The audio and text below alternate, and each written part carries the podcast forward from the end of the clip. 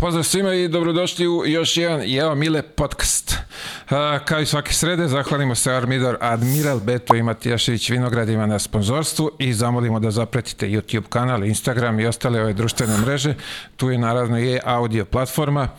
Možete danas uh, slušate, a da nas ne gledate, što je nekad izuzetno poželjno. Uh, pa ovo je, ajde ovako, prvi put u ovoj godinu i nešto dana da imamo povratnike goste koji su već bili ovde u podcastu. Vlade Đurović sa nama i Bojan Tanjević. Gospodo, dobrodošli u ponovo u ovaj naš mali show. Ko ćete vi? Dobro večer. Dobar večer, Mile, hvala što si, što si nas pozvao, što si me pozvao. Hvala i vama na izdvojenom vremenu. Učinili ste mi, ajde kažemo, tako čast i pri, pri, privilegiju da ponovo ovaj, posedimo, prodiskutujemo ove neke teme koje su iza nas. Prošli put sa Vladom smo se dogovorili kad se završi sezona da dođe ponovo. Sezona je gotova. Tu smo da prozborimo koju o aktuelnim, a i možemo reći i temama, a i sezonama koje su iza nas. Vlade, kakve su bile, ovaj, u stvari bile su, bar po ovim komentarima ovamo, izuzetno ovaj, pozitivne kritike posle ovog uh, gostovanja prošle godine? Pa ne znam ti to bolje znaš. Ove, ovaj, ja sam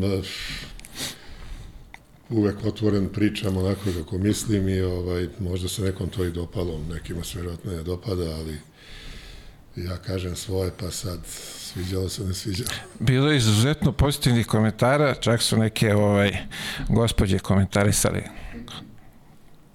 šarmantnost, ozbiljnost. Pa onda mi se sviđa kad su gospođe, ako sam imao one slušalice na glavi, pa ono malo što sam video, ovaj, nisam da sam se vidio. Pa. E, a zato je, trebalo mi je i meni je dugo, ovaj, dok, me nisu, dok mi nisu objasnili da možemo bez slušalica, tako da smo sad još lepši. Ok, slaže sa mnom. E, kako ti kažeš, Milo, ti si ovde domaćin i prihvatamo sve što ti kažeš. Vidi, ti si, na pitanje. Tako je, ali e, ti si za pohvalu prvi ovaj, milioner među pregledima ovih, ove kratke forme što kačemo na društvene mreže. Mile, moram se zahvaliti tebi i Gorislavu Papiću što ste me vinuli u Vasionu. Sve ono što sam radio 20 godina može da, se, da padne u vodu i što sam radio na televiziji odnosno na, na ovu popularnost. Sreća se oženio na vreme, tako da moja žena Mima ima razumevanja na ove napade na Instagramu i na Facebooku zbog popularnosti posle ove tvoje emisije. Pazi, ja zamislio ovaj, da je podcast bio u tvoje vreme. Ne, zamišljam sam. Ka, kako bi, šta bi tek onda bilo? I ovo je moje vreme, što mi? Dobro ću kažem, ono je mlađe, vreme. mlađe vreme, 20. i to. Boga mi, baš si gledan i baš si, šalim se za ovo sve naravno. Vidi, zahvaljujući Vladi, on je probio, ovaj, probio sa, sa tom njegovom emisijom, tad je to krenulo sve i Vlado Velike, ovaj, hvala ti veliko što si me vino u nebesa. Iako si me vamo kod Larry Brda ukopo, mogo sam imam ozbiljnu košarkašku karijeru, sad moram ovako kao podcaster da pravim. Uopšte te nisam ukopo. Čovjek je bio te gleda ovaj, i to treba da ti bude velika čast. A meni je bila najveća moguća čast da dođe takav igrač na moj trening.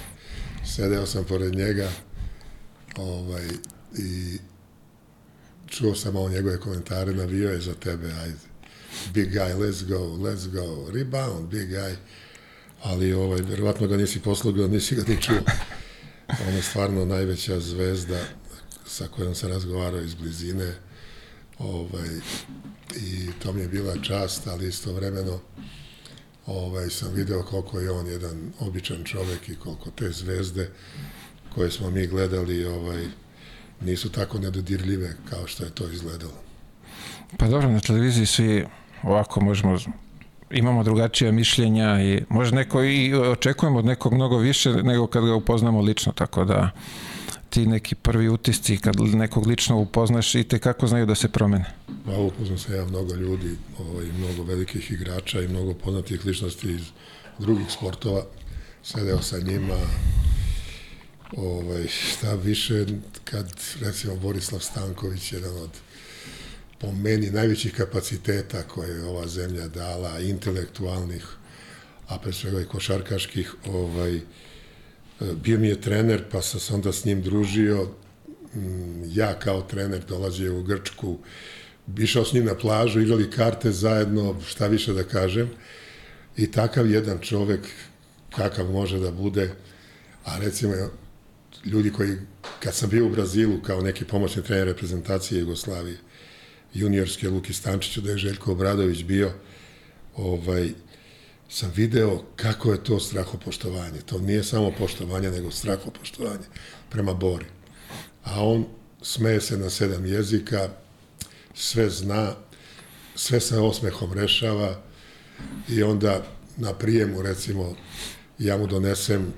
viski, pošto je on voleo pije, ali ovaj, bilo sramota da ide svaki čas da uzima kad ovi konobar ne dolaze.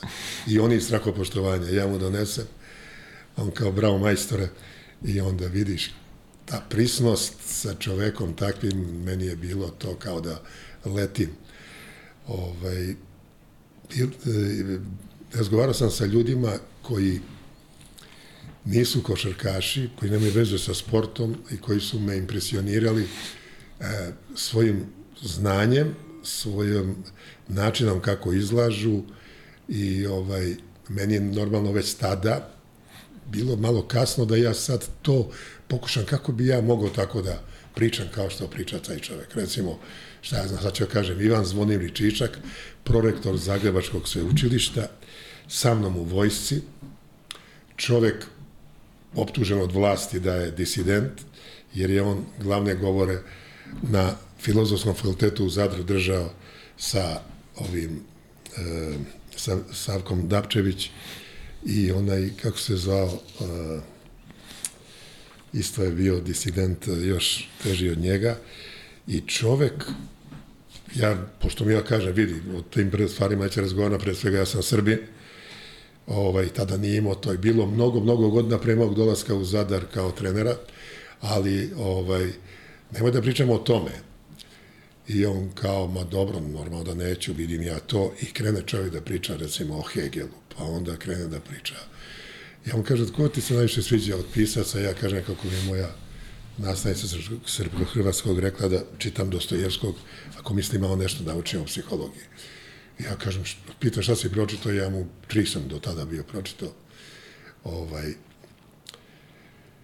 Kockar, braća Karamazovi, šta ono još, ovaj, i on kaže, evo sad ću ja ti njega malo seciram.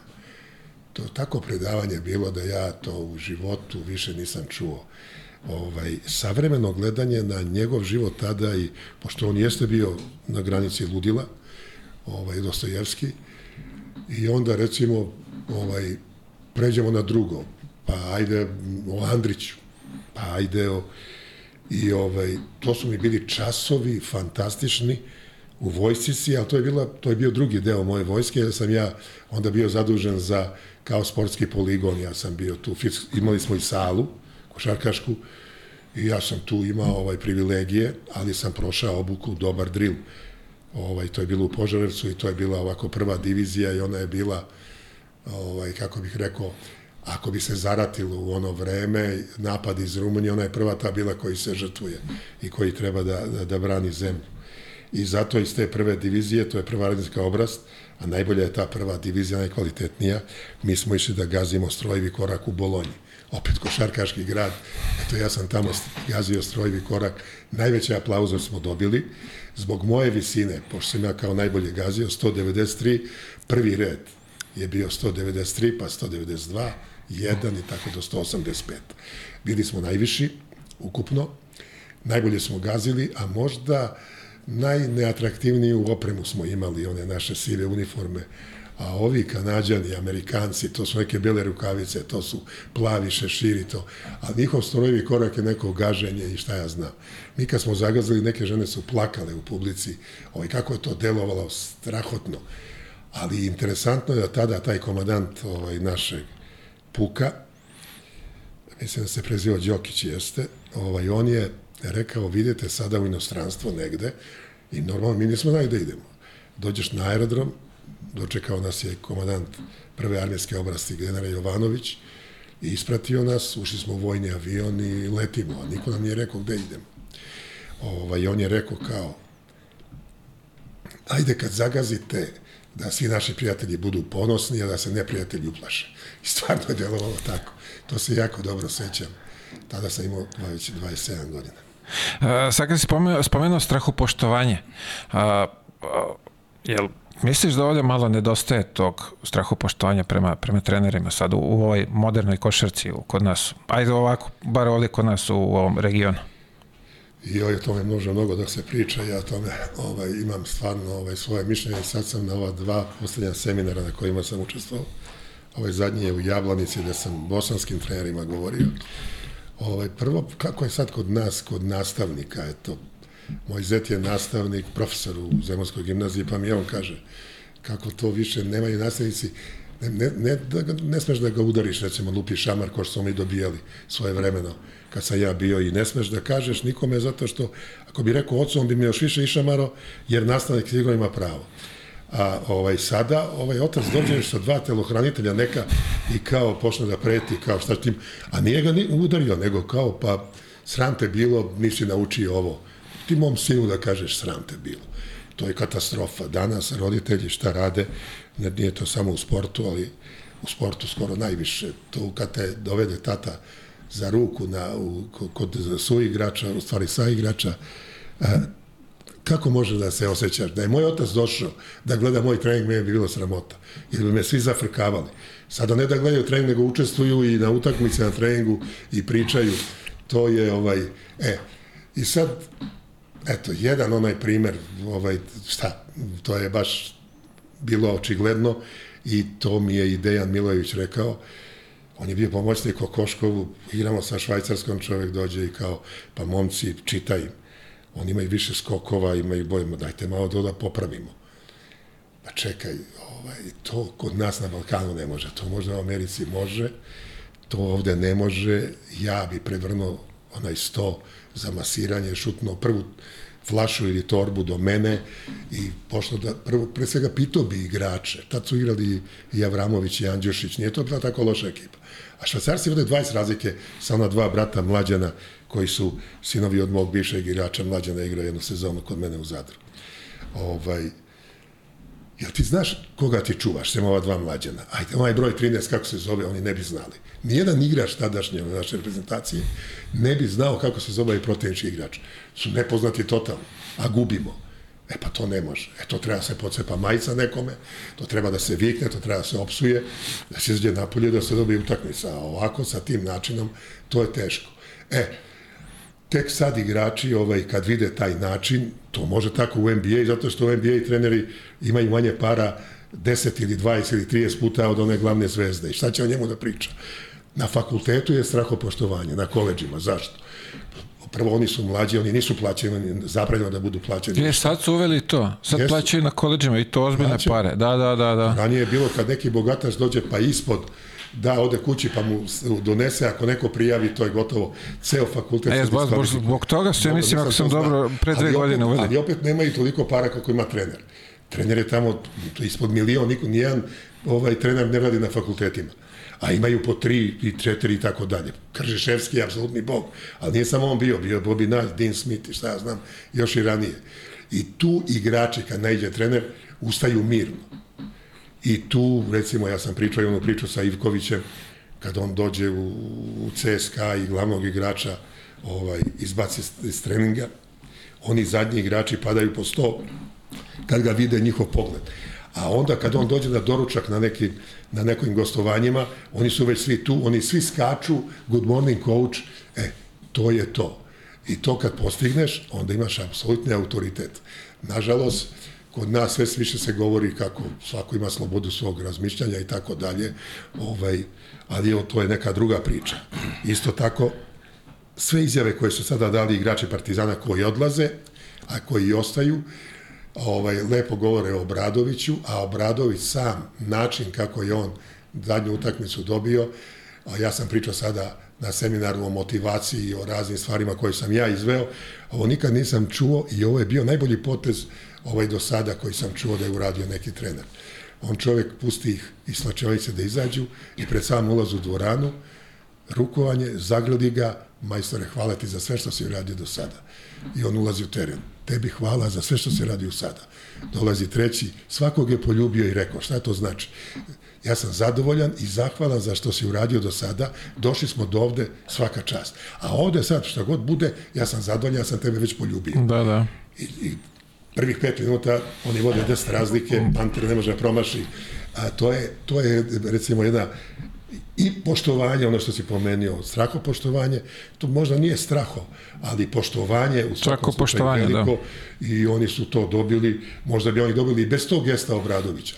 A to je jedan fantastičan gest koji pokazuje da se igrači mogu motivisati na razne načine, ali je sasvim sigurno da naši treneri više nemaju autoritete, ne zato što igrači to ne žele, nego zato što vlasnici klubova, oni koji su oko njih, ih ne cene dovoljno. E, ranije je to u socijalizmu bilo drugačije, bila je uprava 11 ljudi i da bi nešto oni izveli, morali su da imaju većinu. Znači, bar 6-5 da bi nešto prošlo, neka odluka. Recimo, smena trenera. To nije bilo tako. Sada jedan čovek vodi i samo ti kaže, ajde kući. Tako i na zapadu. Ne, ne žalim se ja na to, nego se žalim inače na odnos. E, trener mora više da se poštuje. Trener ne može da se kritikuje preko novina ovaj, njegov rođani stric Stanjević je dobio u Francuskoj ogromne pare obeštećenja od francuske vlade zašto je bilo u novinama izašao članak da je on sme, biti smenjen kad se završi sezona. Ne da je smenjen, nego da će biti još dva, tri kola, pa će doći jedan novi mladi trener, njegov menadžer je napisao ovaj, žalbu, i oni su mu grdne pare dali, što pokazuje koliko je organizovana zemlja Francuska, ali i koliko je jedno poštovanje prema treneru. Ne možeš ti nešto da kažeš javno na, na, protiv trenera. To je ovaj vrlo teško. Duga je to tema, ali imamo mi ovde Čak. i drugog gosta koji treba Tako nešto je. kaže. Ok, kako ti gledaš u stvari na... Ja bih, vi ste ređe na televiziji, pa imate priliku da kažete. Pa, ovaj, ne bih rekao da se izgubilo strahu poštovanje, izgubilo se poštovanje. Pre svega, to se stiče u porodici, stiče se u školi. Škola je, nažalost, degradirana i, i institucija profesora je devastirana. Profesori su ljudi koji sada gledaju da prežive i gledaju kako će da što bezbolnije završe školsku godinu, umesto da nametnu kriterijume i da nametnu način razmišljanja ili sve ono što treba pedagoški profesor da nametne igračima. Trener je jedna vrsta profesora životnog, pošto igrači vrlo ranom dobu dođu u susret sa trenerima i kroz primere vidimo da je, što kaže Đura, da je to uh, otišlo dođevola ovde. Novac kao neizostavan faktor je uticao mnogo na to, moje mišljenje, jer treneri su zavisni pre svega od klubova, zavisni su od predsednika i umesto da trener bude stub jednog kluba, a da predsednik izlože, sedi i gleda i uživa, ovde su treneri vrlo često na vetrometini i ne samo na udaru protivničkog tima, protivničkih navijača trenera, nego i vrlo su često između Čekića i Nakovnja nije ni malo lako da rade. Taj posao trenera je vrlo rizičan, ja sad da sam mlađi, volao sam to i gledao sam, ne bih se usudio da budem trener, tek tako pogotovo što završavajući škole i bavići se nekim e, putem da dođem do posla trenera, gledam sad, govorim ovim mladim koji studiraju to i uče, bilo koji od ovih igrača, pogotovo playmakera, zvezda, da kaže ja ću da budem trener, odmah on dobije posao, a ovi drugi neka čekaju. To sam komentarisao 2009. kada je Duda Ivković skupio mladu, mlade igrače i u A reprezentaciju, oni su u njemu videli, to su bili mladi, drugari, poletni, talentovani, super talentovani, koji su njemu videli Boga košarkaškog, bespogovorno su slušali i napravili su sjajan rezultat na prvenstvu Evrope u Poljskoj. Međutim, posle dve godine njemu već dolaze u reprezentaciju milioneri sa određenim zahtevima, sa promenom stava određenim stvarima, pre svega u odnosu i rezultat je izostao. Možda nema veze, mislim da ima. Pa, imali smo mi više tih ovaj, padova na tim prvenstvima od 2000, koje beše treće, četvrte, pete. Pa zato što se, Mile, ovde se, pričat ću malo i o trenerskim stvarima, ako nisam trener, to naglašavam ovako sa strane gledano kao navijač. E, smatra se da uspeh u sportu kolektivno može da dođe preko noći, ne može. I ovaj, ove vesti koje govore da, govorimo o igračima Partizana koji ostaju u Partizanu, govore da su oni shvatili situaciju pre svega. I da ta trka za novcem ne sme da bude sumanuta trka za novcem. I da se od, od, od drveta ne vidi šuma. Jer ja sam zvezda, član sam Skupštine zvezde, govorim ovo kao navija, košarkaški navijači.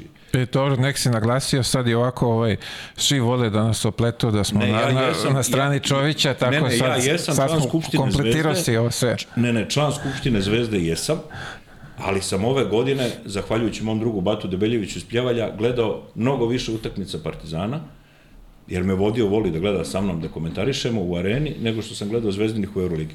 To nije možda za pohvalu, ali eto, bilo je podjednako dobro. Ću ja kažem, ovi igrači su postigli sjajan rezultat, naravno. I Zvezdini i Partizanovi. Zvezda možda kasno krenula, ali rezultat je bio tu. Taj plasman u top 8 zvezda. E sad Partizan je video i Obradović ambicije na osnovu svega što je uradio u životu i osvojio, verovatno nisu top 8 ili čak nije ni Final Four. Obradović to nije javno govorio, ali ja mislim da je on u glavi video da se taj tim slaže i da tim ulazi u formu baš u momentu kad treba da uđe u formu i na nesrećan način nisu otišli mnogo, mnogo dalje nego da su otišli, ako i ovo sjajno. I sada ti igrači ako napuste kad praviš sve na novo, pitanje je da li to može ponovo godinu dana. Kakvi god igrači dođu.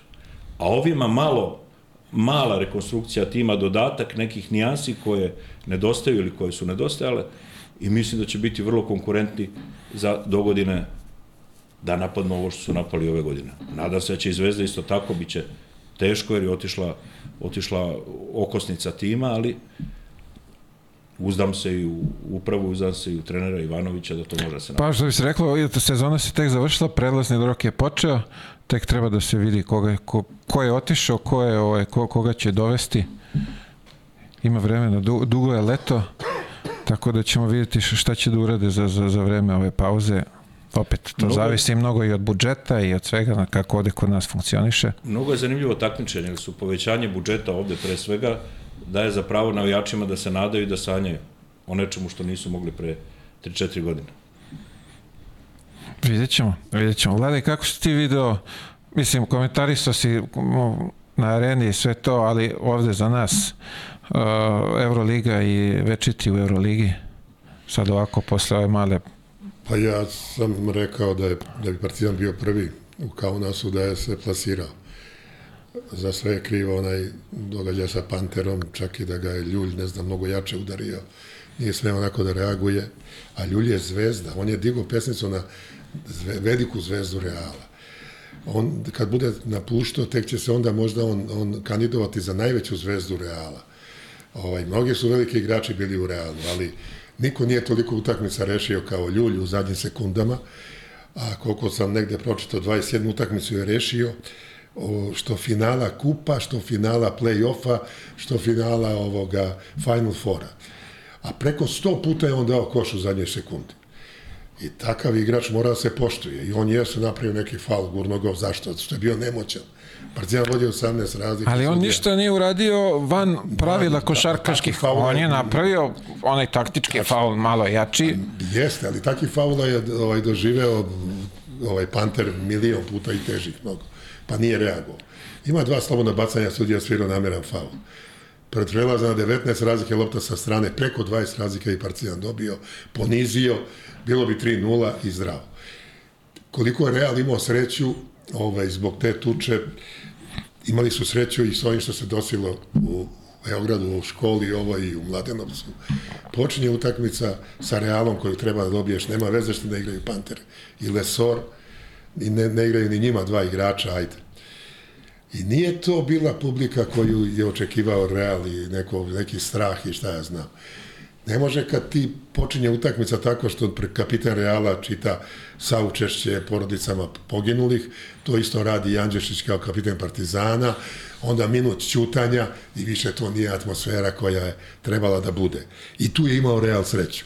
Pa je on imao sreću sa onom trojkom William Gossa, koji više nikad u karijeri neće da je postigne, i onda još tamo u ovom Final Fouru, ono je neverovatno, pre toga u Istanbulu ovaj Slukas pogodi sa 9 metara u zadnjoj sekundi, sada sa 4 metra, promašuje, lopta se vrti, izlazi Dakle, Real je bio do, do, do, do ramena u blatu, samo je neki helikopter koji Bog pošalje mogao da ga izvuče i Bog je poslao, izvuko ih je. To nije normalno. Nisu zasluženo bili prvi uopšte, a eto, vratilo im se tad sada u prvenstvu, Barcelona je osvojila titulu, ovaj, i oni su bili mnogo kompletni, Jabusele igrao i šta ja znam, nego što su bili na Final Fouru, pa nisu bili prvi. Ne može tolika doza sreće da se ima ovaj, u jednom takmičenju, to nije normalno ali ono što bi rekao, eto sad usput, mora da razmisli Uleb o tome da se ne igra više Final Four, nego da se igra ovaj do tri pobede. Je, pa ima nešto, da, bila je neka priča da, da postoji mogućnost da se, da, da se to menja. Da ti kažem, da, da, veruješ da nijedna još ekipa koja je osvojila u regularnom delu prvo mesto nije bila prvak. Zato što tu odlučuje jedna utakmica. Ne, vi nisam taj podatak. je bio pa, to je sigurno. Nijedna ekipa koja je u regularnom delu bila prva nije osvojila prvo mesto. To je tako. Jedna utakmica odlučuje, može tada se porodi neki igrač, može tad nekom igraču da je neko umro u porodici, može da, mislim, svašta može se desi u jednoj utakmici. A kad mi igramo do tri pobede, onda je drugačije. Da, da, drugačije. I drugo, mnogo veći interes bi bio tri utakmice igraš, ne znam, u Madridu, tri u Tel Avivu, pa da vidimo. A kako bi to onda izgledalo sa domaćim prvenstvima? To bi tek bio kuršlos. To, to, bi, to bi bilo isto kao što je u NBA. Bilo bi isto tako. Onda bi domaća ja morali da zapostave. Ja, što se mene tiče, ja samo gledam NBA, ovaj, kako se zove, playoff. Ovo regularno deo prvenstva, to je tako vucaranje igrača po terenu, to nema blage veze. Tu možda izgubiš, tu trener, prvo trener tu ne može da bude smenjen zbog 10 porada za redom, nema šans. U Evropi posle dva poraza te zove na, na ovaj saslušanje predsednik u svoju kancelariju. Ako izgubiš još jednu, dve, ti ideš. Mnogo je teže ovde. A malo pre kad smo govorili ovo o trenerima, što je rekao Bojan, a, ovde ima hiperprodukcija trenera. Mi imamo tri škole, imamo u Nišu, u Beogradu, u Novom Sadu, ranije su bile i više. U, celu, u Saraju postoji škola, u svim republikama postoji. To su hiljade i hiljade trenera. Pa ne mogu, nema toliko klubova, ne mogu svi da nađu posao. I onda šta oni rade? Oni, ovaj, da bi se nekako probili, oni rade pogrešno i zato imamo situacije koje ima. Malo smo pomenuli rezultat ove naše reprezentacije. Momci i direktno iz iz osmogodišnje škole idu na fakultet, tri faze znaju svi da postoji u košarci, faza obuke, obučavanja, faza usvajanja i faza usavršavanja. Ovu drugu fazu preskaču i to je to ne treba sa klincima da radiš taktiku, ali da bi se on pokazao, on mora s nekom ekipom iz Svilanjca, Vranja i Leskovca, kako će on da dođe u žižu javnost? Da se plasira na nekih, u nekih osam u Srbiji, u četiri. I onda onda ljudi kažu, vidi ovaj, dobro, dobro radi ovaj dom. I ti onda možeš sa igračima koji su futbalerski građani, sa nekim zonama i lukavim, ta, lukavom taktikom, da pobediš ove koji su, kako bih rekao, talentovani, viši, ali nemaju, nemaju tu snagu tog momenta. I oni rade to ne zato što ne vole te momke i što ne, ne vole košarku, nego zbog sebe da bi bili viđeni malo. I ja ih razumem, ali ja ih ne opravdavam. I zato kod nas dolaze, nemamo mlade igrače, nemamo, nema u, na teritoriji Jugoslavije, cele, mi nemamo više playmakera, a mi smo imali toliko playmakera da u, ne, u, u ja sam recimo u Zadru imao četiri, Hrabrov, Paklić, Matulović i ovaj, kako zove, Popović. Pa imaš četiri, ne koga da staviš. Ovaj, mi sada nemamo. A Đerđa je najbolje postavio pitanje prošle godine. Ljudi, je moguće da Dalmacija 30 godina nije izbacila jednog playmakera? Jedno. Evo Jugoplastika kad je bila prvak Evrope, ko je bio playmaker? Bio je ovaj Naumovski, bio je Luka Pavićević i bio je Sretenović namerno sam stavio ovakav redosled, pošto je Sretjanović, koji je umro jadnik, on je ovaj, bio tu najbolji. On je bio najbolji, najviše igrao Naumovski, koji je posle bio najbolji playmaker Evrope, sa Efesom uzao i kup Koraća, on je Jugoplastici, nije mnogo, mnogo da igra. Ali sva trojica su Makedonac, Crnogorac i Srbin. Kad je Jugoplastika osvajala prvu titulu šampiona, Tvrdić, uh, Šolman, Prug, Skansi, peti je bio Manović. Mihajlo Manović iz, sa Crvenog krsta Radnički Beograd sem Đerđe, oni nisu imali playmakera, posle se pojavio Dražan, ali objektivno Dražan nije playmaker. I nema, nema playmakera u celoj Dalmaciji. Makar su ranije postojali neki petani, ne znam, one vlade Vanjak, nešto imaš, sada nemaš ništa. U, u ovoj Bosni je bio, ne znam, istovremeno Hadžić, Mutavčić, Izić i Mirza Delibašić je mogao da igra. Ti sada nemaš playmakere u koje možda se pouzdaš A ovaj, ranije, i ako se dovodio neko sa strane, niko, pa ni celoj Evropi nije dovodio playmakera kao stranca. Dovedeš dva visoka, normalno svako ima svoje playmakere. U Španiji se to izgleda pomalo nastavlja, ovaj, ali kod nas nikako. I to je, to je stvarno jedno pitanje koje ja nemam odgovor, ne mogu to da kažem, jer ovaj, inače treneri neki kao stvorio igrača ovoga ili onoga, to ne sme da se kaže. Trener je usmerio igrača, pomogao mu, ubrzo njegov razvoj, ali ne može trener da je stvorio igrača. Trener samo pomaže. E, sad taj igrač kome trener pomaže, treba da uradi mnogo više sam u svom razvoju, mora mnogo više individualno da radi i moraju mnogo više momci da ostaju posle treninga. I stalno to, to, to kruži. Ovaj, Dražan Petrović je ostavio posle treninga da ubaci 500. Kića je ubacivo čak po 1000, Kićanović. Ovaj, ti da bi ubacio 500 puta, ti si igrao i to do skoro, pa, pa znaš.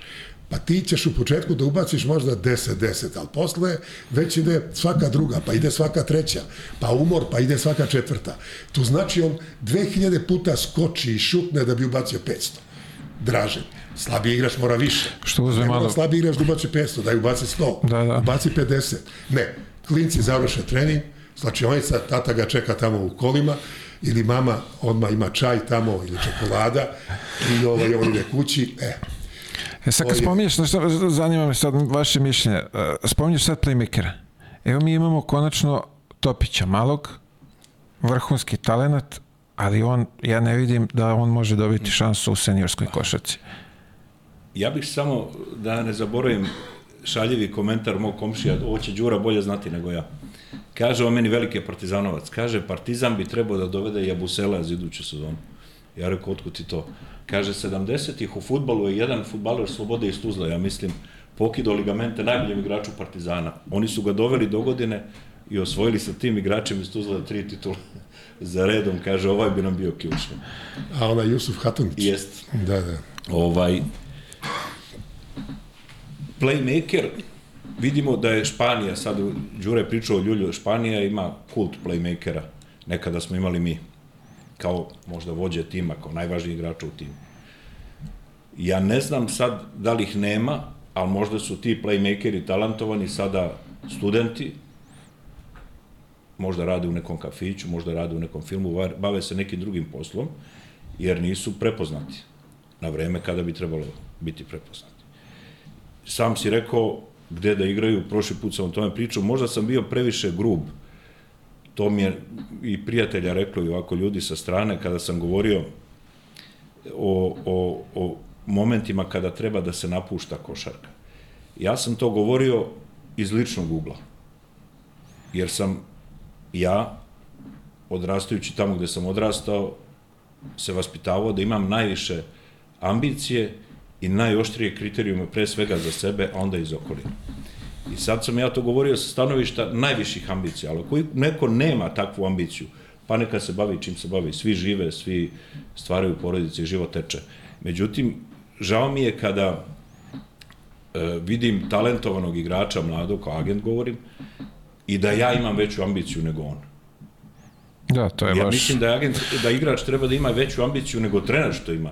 I da tom svojom ambicijom i mladošću pre svega vuče i trenera da bude bolji, da mu kaže još, još, pa Đura je pričao svoje treninge s Dražom Petrovićem, i agenta da govori nisam zadovoljan, hoću bolje, hoću bolje. Neka je to nekada i nerealno, ali ima svoj smisao, ima zašto da bude.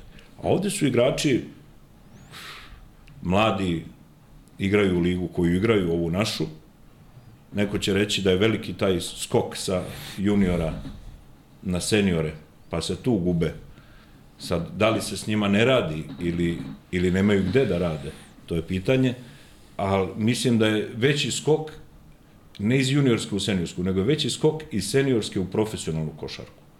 Jer ona košarka koja se igra za novac je dr- drastično više kvaliteta od košarke koja se zove seniorska, a koja se igra reda radio, pričat ćemo posle što se igra. Ovaj, tako da u, u ovoj košarci najviše granga ovde u, nema mladih igrača. Playmakeri Real Madrida koji je prvak Evrope su igrači od preko 30 godina. Zato treba i Spomenuli smo u prošloj emisiji da su se ugasili klubovi kao mnogi ovde koji su postojali, gde su mladi igrači dobili šansu, ili su se ugasili treneri, odnosno nema ih više kao što je Đura, koji je davao, skupio hrabrost i davao šansu mladim igračima i gurao ih vatru. Naravno, on to ne bi mogao da radi da nije imao podršku i zaleđenu rukovodstva i predsjedništva kluba, kluba iza sebe. A to je jedan sklad koji mora da postoji da bi se ostvarivali najviše rezultate. A pošto svi jurimo rezultate preko noći, to onda malo, malo teško, malo neizvodljivo. Mile, evo, postavim jedno pitanje. Čemu služe mlađe selekcije reprezentacije? Čemu to služi? Da li je, mislim da je državni interesa i košarkaški naravno, da A reprezentacija osvaja medalje. Ako ćemo to, trebaju nam igrači. Pa onda, ako to postaviš kao cilj, kao dugoročni plan, onda taj plan razrađuješ na manje celine, na one operativne, znači treba na široka baza, ona postoji, ovde je košarka popularan sport, tradicionalno su ljudi vezani, deca igraju i tako dalje. Onda igrači igraju po klubovima. I u tim mladim selekcijama igrači trebaju da se pripremaju, talentovani, za ono što ih čeka jednog dana, a reprezentacija, a u isto vreme treneri koji ih vode da se radeći po programu A reprezentacije ili saveze kako im se naloži, oni spremaju lično da budu i oni u za reprezentaciju. A ovde čini mi se da se ta deca skupe, momci, govorim o dečacima, ad hoc, ajde igrajte, bilo ne bilo, u novinama, na televiziji, menadžeri, ovo govorim pežorativno, šta će tu? Mene drugovi pitaju za nekog igrača komu je menadžer, šta te briga komu je menadžer? Prodala, prodao neki tim nekog i uzao neke pare. Šta tebe to kao navijača briga? Da li neko nekog prodao? To je onda firma. Možda navijaš onda za, za Telekom ili za NIS, oni više privređuju nego klub. Ali ovo je sport. Trebaš da kao navijač da budeš bazično zaljubljenik i da čekaš rezultat svog tima za koji navijaš i da se želiš da u tom timu igraju mladi igrači ako je moguće iz okruženja u kome si i gde se taj tim nalazi. I onda se stvara ta veza između navijača i, i kluba i sve je mnogo, mnogo lakše i lepše. Pa, nadam se, evo, lepo si ti to rekao, nadam se da će u nekom skorijem vremenu da to neko prepozna, pa da pokrene taj mlađi, mlađi ovaj, mlađu ekipu pa da, da pa gura do, do nekih... Stvara, stvara se igračima, zamisli kažeš mladom igraču ti si ovde najtalentovaniji, ali nećeš igrati prvenstvo.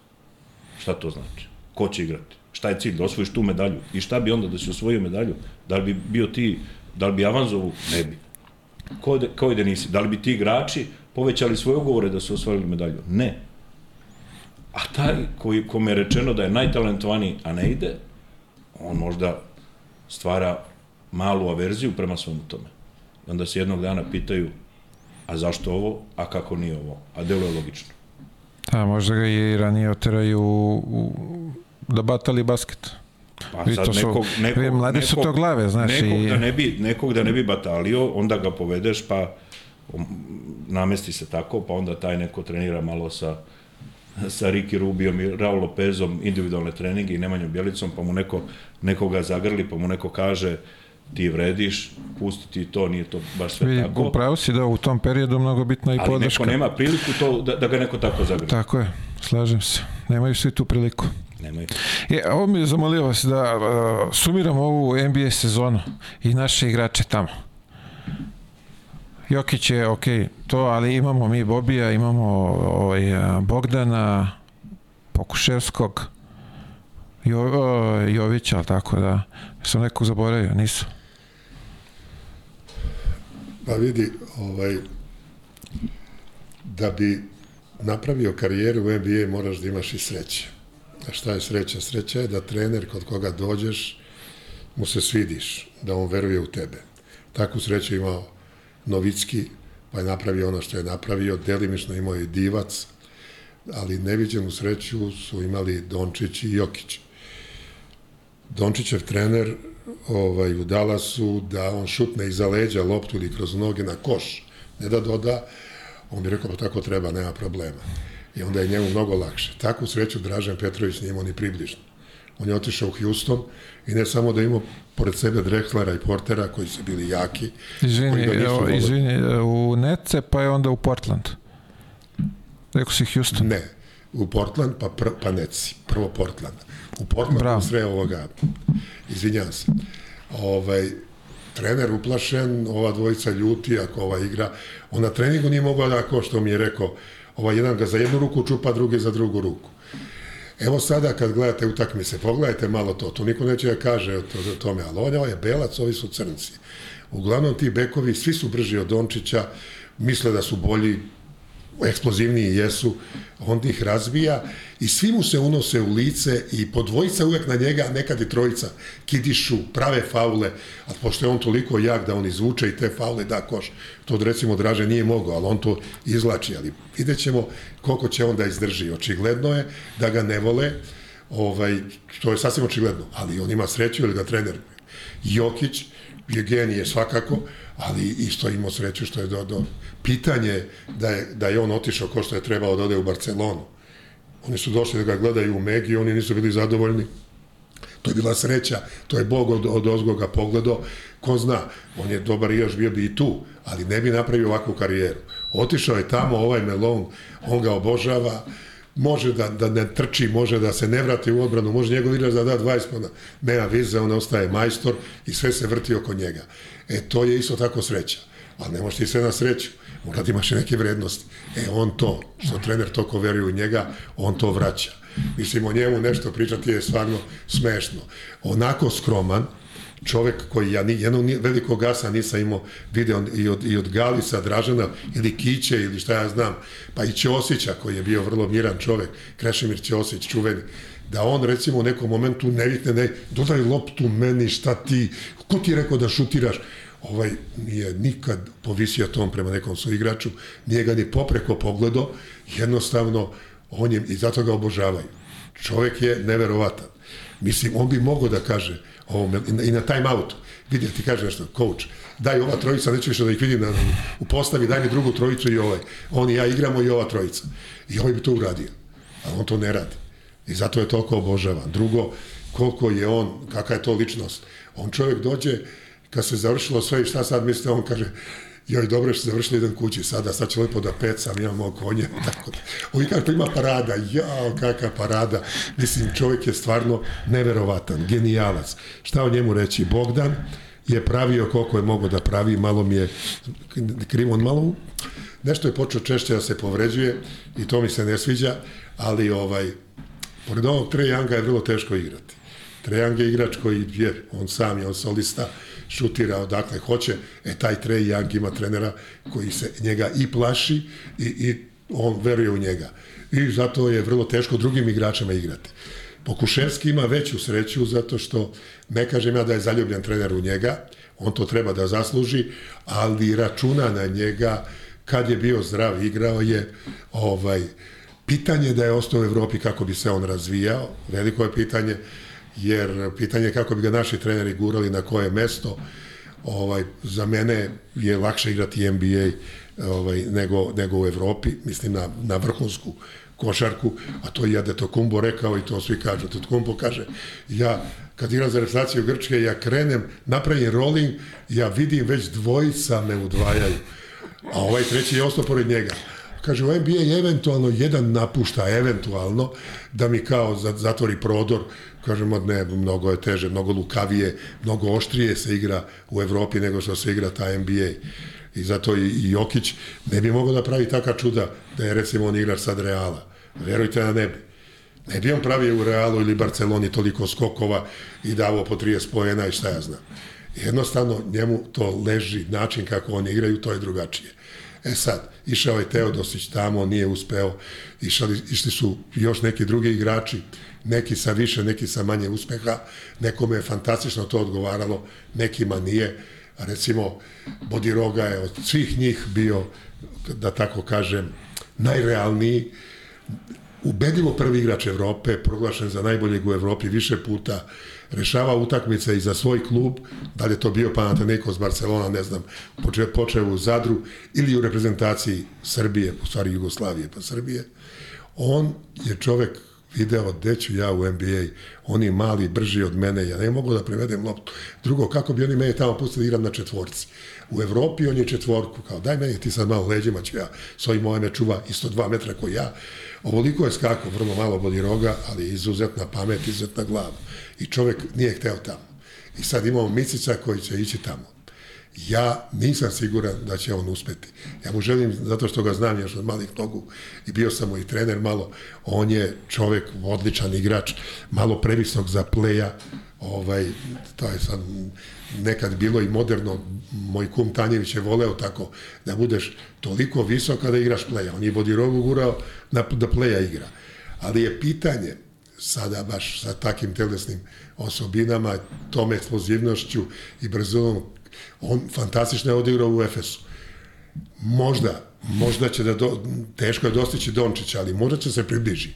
Dončić. A da će on možda, imati minutažu uopšte tamo? E pa pitanje sad i koji trener... On odlazi, odlazi MVP koliko dve godine za redom, yes. sad je, nije ove godine nebitno, i dolaziš tamo gde ti očekuješ, e, ja sam MVP Euroligije, dolaziš tamo i kao, ko je bre ovaj... Ja, sam, ja nisam tako... Daj meni loptu. Nisam veliki skeptik, ali nisam ni optimista uopšte za njega tamo, jer i po parama on će dobiti tamo više, ali kad uzmeš ti tamo je 40% porez, pitanje je to. On pa, ide i do 50, da, zavisno. I bolje je biti bog u Evropi nego biti tamo neki 48. ovaj, od bekova, mislim, ima tu stvarno, on recimo protiv onoga ovaj, kako se zove mali iz Golden State-a?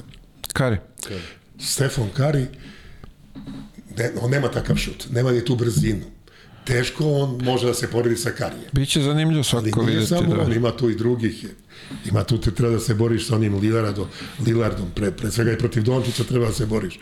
Ovaj, nije to ni malo Mislim, pre svega treba da, na, da navikne se na novi, novu sredinu, novu kulturu, život, nove dimenzije terena. I onda ako ga pritisne protivnički trener sa onim nekim od 182, 3, a brsko munja, nizak, njemu to ne odgovara, on je mnogo visok, njegov dribling je visok i nije on tako ni brz. On ako dođe u zonu šuta, sa loptom ako uspe da se ubaci, on će dobro, zato što će on preko svih njih veoma lagano da šutira. Svi su oni niži od njega, on ima visok skok šut. I on će to i da pogađa sa solidnim procentom, ali treba da dođe u tu, u tu situaciju.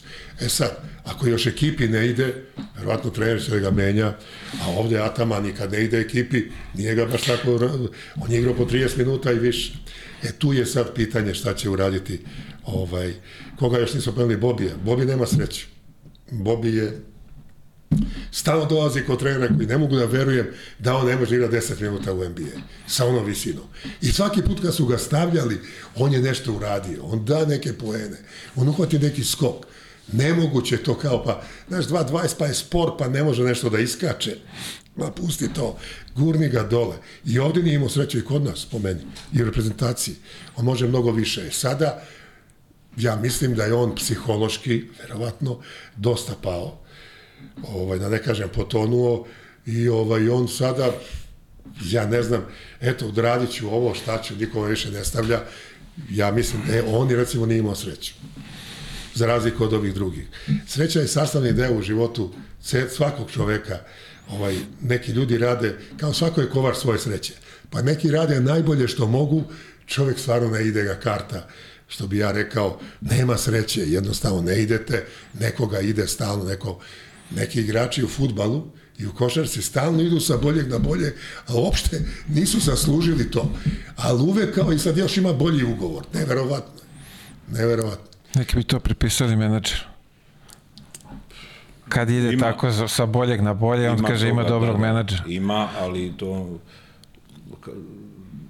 ima toga, ali nekad su ti ugovori, nekad su ti prelazi vezani za nešto drugo, pa budu deo nekog šireg dogovora ili, ili, da. ili ne, neke, neke šire organizacije, pa se to tako namesti.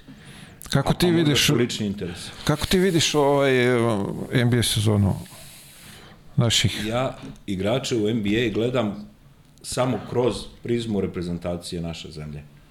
I igrača u NBA cenim ili cenim sve, naravno svi oni imaju napravili su dosta u životu, ali ja najviše volim one koje mislim, za koje mislim da mogu da pomognu našoj reprezentaciji. Ovi mladi još treba da se dokazuju iako su tamo. Nekada su išli igrači u 25, 6, 7 godina ostvareni kao MVP-evi, kao najbolji igrači Evrope tamo. Sad idu vrlo mladi, nedokazani, e, objekti ni ovde ni tamo.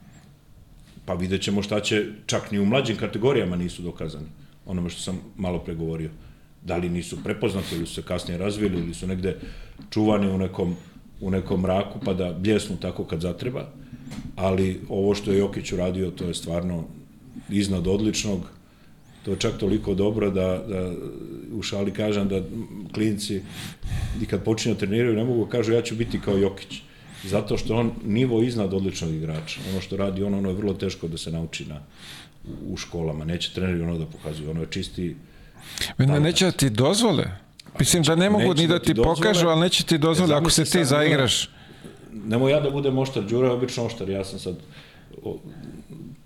krenuo da ne može da zamisli trener pionira ili kadeta koji ne dozvoljava igraču to, a kako će onda da trener seniora to da dozvoljava? Jokićev trener u NBA je uživao gledajući njega kako igra. Takav utisak imam, ne poznam čovjek. On je uživao na timeoutima, čak i kad Jokić crta one akcije što smo imali par puta da vidimo, trener uživa sa strane i gleda. Uopšte nije suetan, uopšte ne, ne nameće sebe kao glavnu zvezdu, nego zna komu je glavna zvezda ekipe. Nikola koji mu nosi celu, sve ono što su napravili, na njegovim leđima naslonjen. Mnogo mi se dopada, od uvek sam volio i Bogdanovića, ja be, bekove preferiram, ovaj, volio bi da, da bude zdrav pre svega i da, i da ovog leta pomogne reprezentaciji.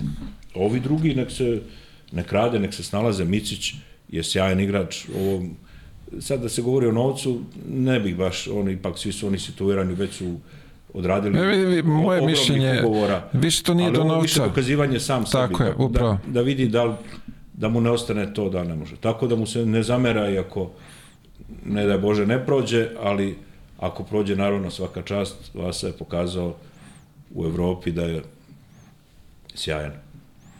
Biće zanimljivo svakako da ispratimo. Da. Čisto tako. Ako Bog da, ako Bog da. Uh, Aba Liga, finale na pet utakmica, Ste očekivali pet utakmica ili ste mislili da to može? ja nisam ovaj snalazio sam se nemam veze u areni kao Đura koji tamo prenosi, nemam kući arenu, pa sam gledao gde ću da gledam svaku utakmicu idući, razmišljajući gde ću da gledam petu, čujem se s jednim prijateljem, on kaže, ako ko će večeras dobiti? Kaže on, Boki nema večeras pobednika. I ja razmislim, kažem, čovjek možda u pravu. I onda sam upalio neki film, pratio sam utakmicu na telefonu, samo statistiku i petu nisam gledao. Partizan je, video sam sve to, zasluženo pobedio, bili su bolji, iako se nadao da će ih Zvezda uhvatiti e, izduvane posle onih utakmica u, protiv Reala. Međutim, očigledno je bilo dovoljno vremena da se tim regeneriše i da se ponovo dovede u tenziju da može da igra na tom nivou.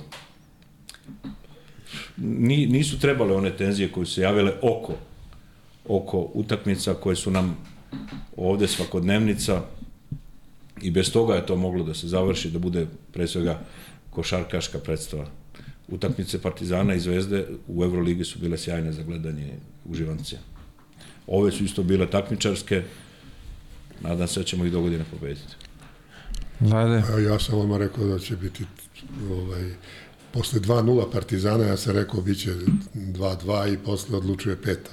To je tako kad igra Zvezda i Partizan, svako dobija na svom terenu, tu nema nikakve dileme. Ja ne vidim način kako Partizan može dobije Zvezdu u Pioniru koji je mnogo žešći domaći teren nego što je ova arena, a opet i Zvezda u areni vrlo teško. Jednostavno to je psihologija, to odlučuje i tu nema nikakve dileme. Ko igra kod kuće, taj dobija kad su u pitanju Partizan i Zvezda. Što se tiče kvaliteta, nije bilo loše. Što se tiče Partizana, ovaj, prvi put u istoriji su neki, u svoj, ne u istoriji, nego u karijeri, neki igrači došli do titule, pre svega Panter, Pale Dej, Pale Sor, ja mislim i ovaj Exum nikad nije nešto osvojili ili Madar, jedino ovaj Papa Petru je osvajao sa većim klubom, ali nije bi bio baš tako bitan kad se to osvajalo. Ovaj, ovi drugi, naši, ne mislim da je neko nešto osvojio i sad ovaj, oni su to osvojili. S druge strane, u Zvezdi najveći podbačaj imao Kampac, on se meni najviše sviđa, onako kako igrao Kampacu, igrao Đerđa svoje vremeno, njega se ljudi ne i to je ta brzina, eksplozivno, bezobrazluk, hvatanje za ruke i onda pitaš sudiju koji faul, šta faul. Đerđa je pravio po, po 7-8 faula, ovaj, a nisu mu svirali peti nikad ovaj, on, e, Kampaco je toliko želeo da vrati zvezdinoj publici to što su oni skandirali njegovo ime i Argentina, Argentina, i ovaj, što mu je bilo baš lepo u Beogradu, što su mu izvukli tu sezonu da mu ne bi propala i hteo je da vrate najbolji način i to je izgoreo.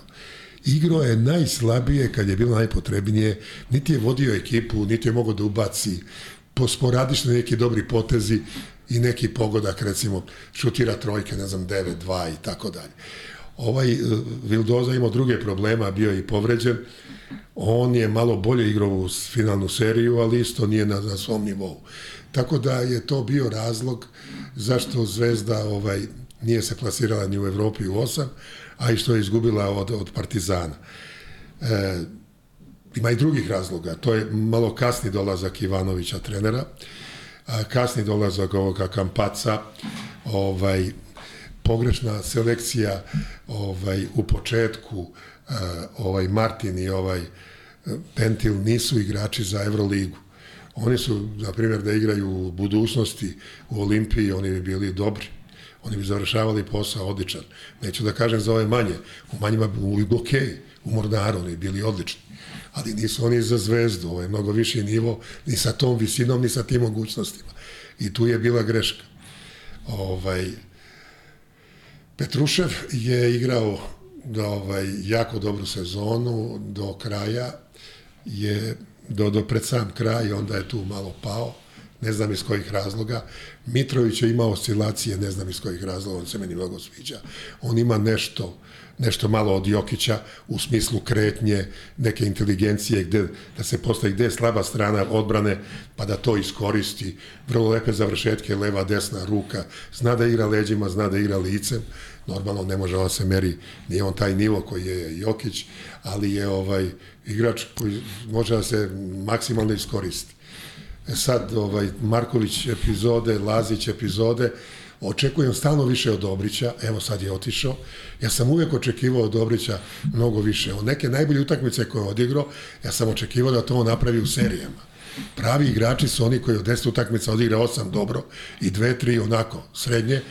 Ovaj ne, ne 2 3 nego ove druge a 2 3 možda slabije. Međutim sada uglavnom to je tri odigram dobro, onda odigram jedno dve srednje i pet odigram slabo, ali, ali one tri što sam odigrao, ne može to tako. Da je Kićanović tako igrao, nikad ne bi Partizan bio prvak, niti reprezentacija Jugoslavije nešto uradila. Nije mogu da li baš izdira tako u Bosni, kao igram dve dobro ili tri, pa onda igramo dve, tri onako, a pet slabo. Ne može. Ne može, obratno je to. E, to je meni nedostajalo ovaj, kod Dobrića.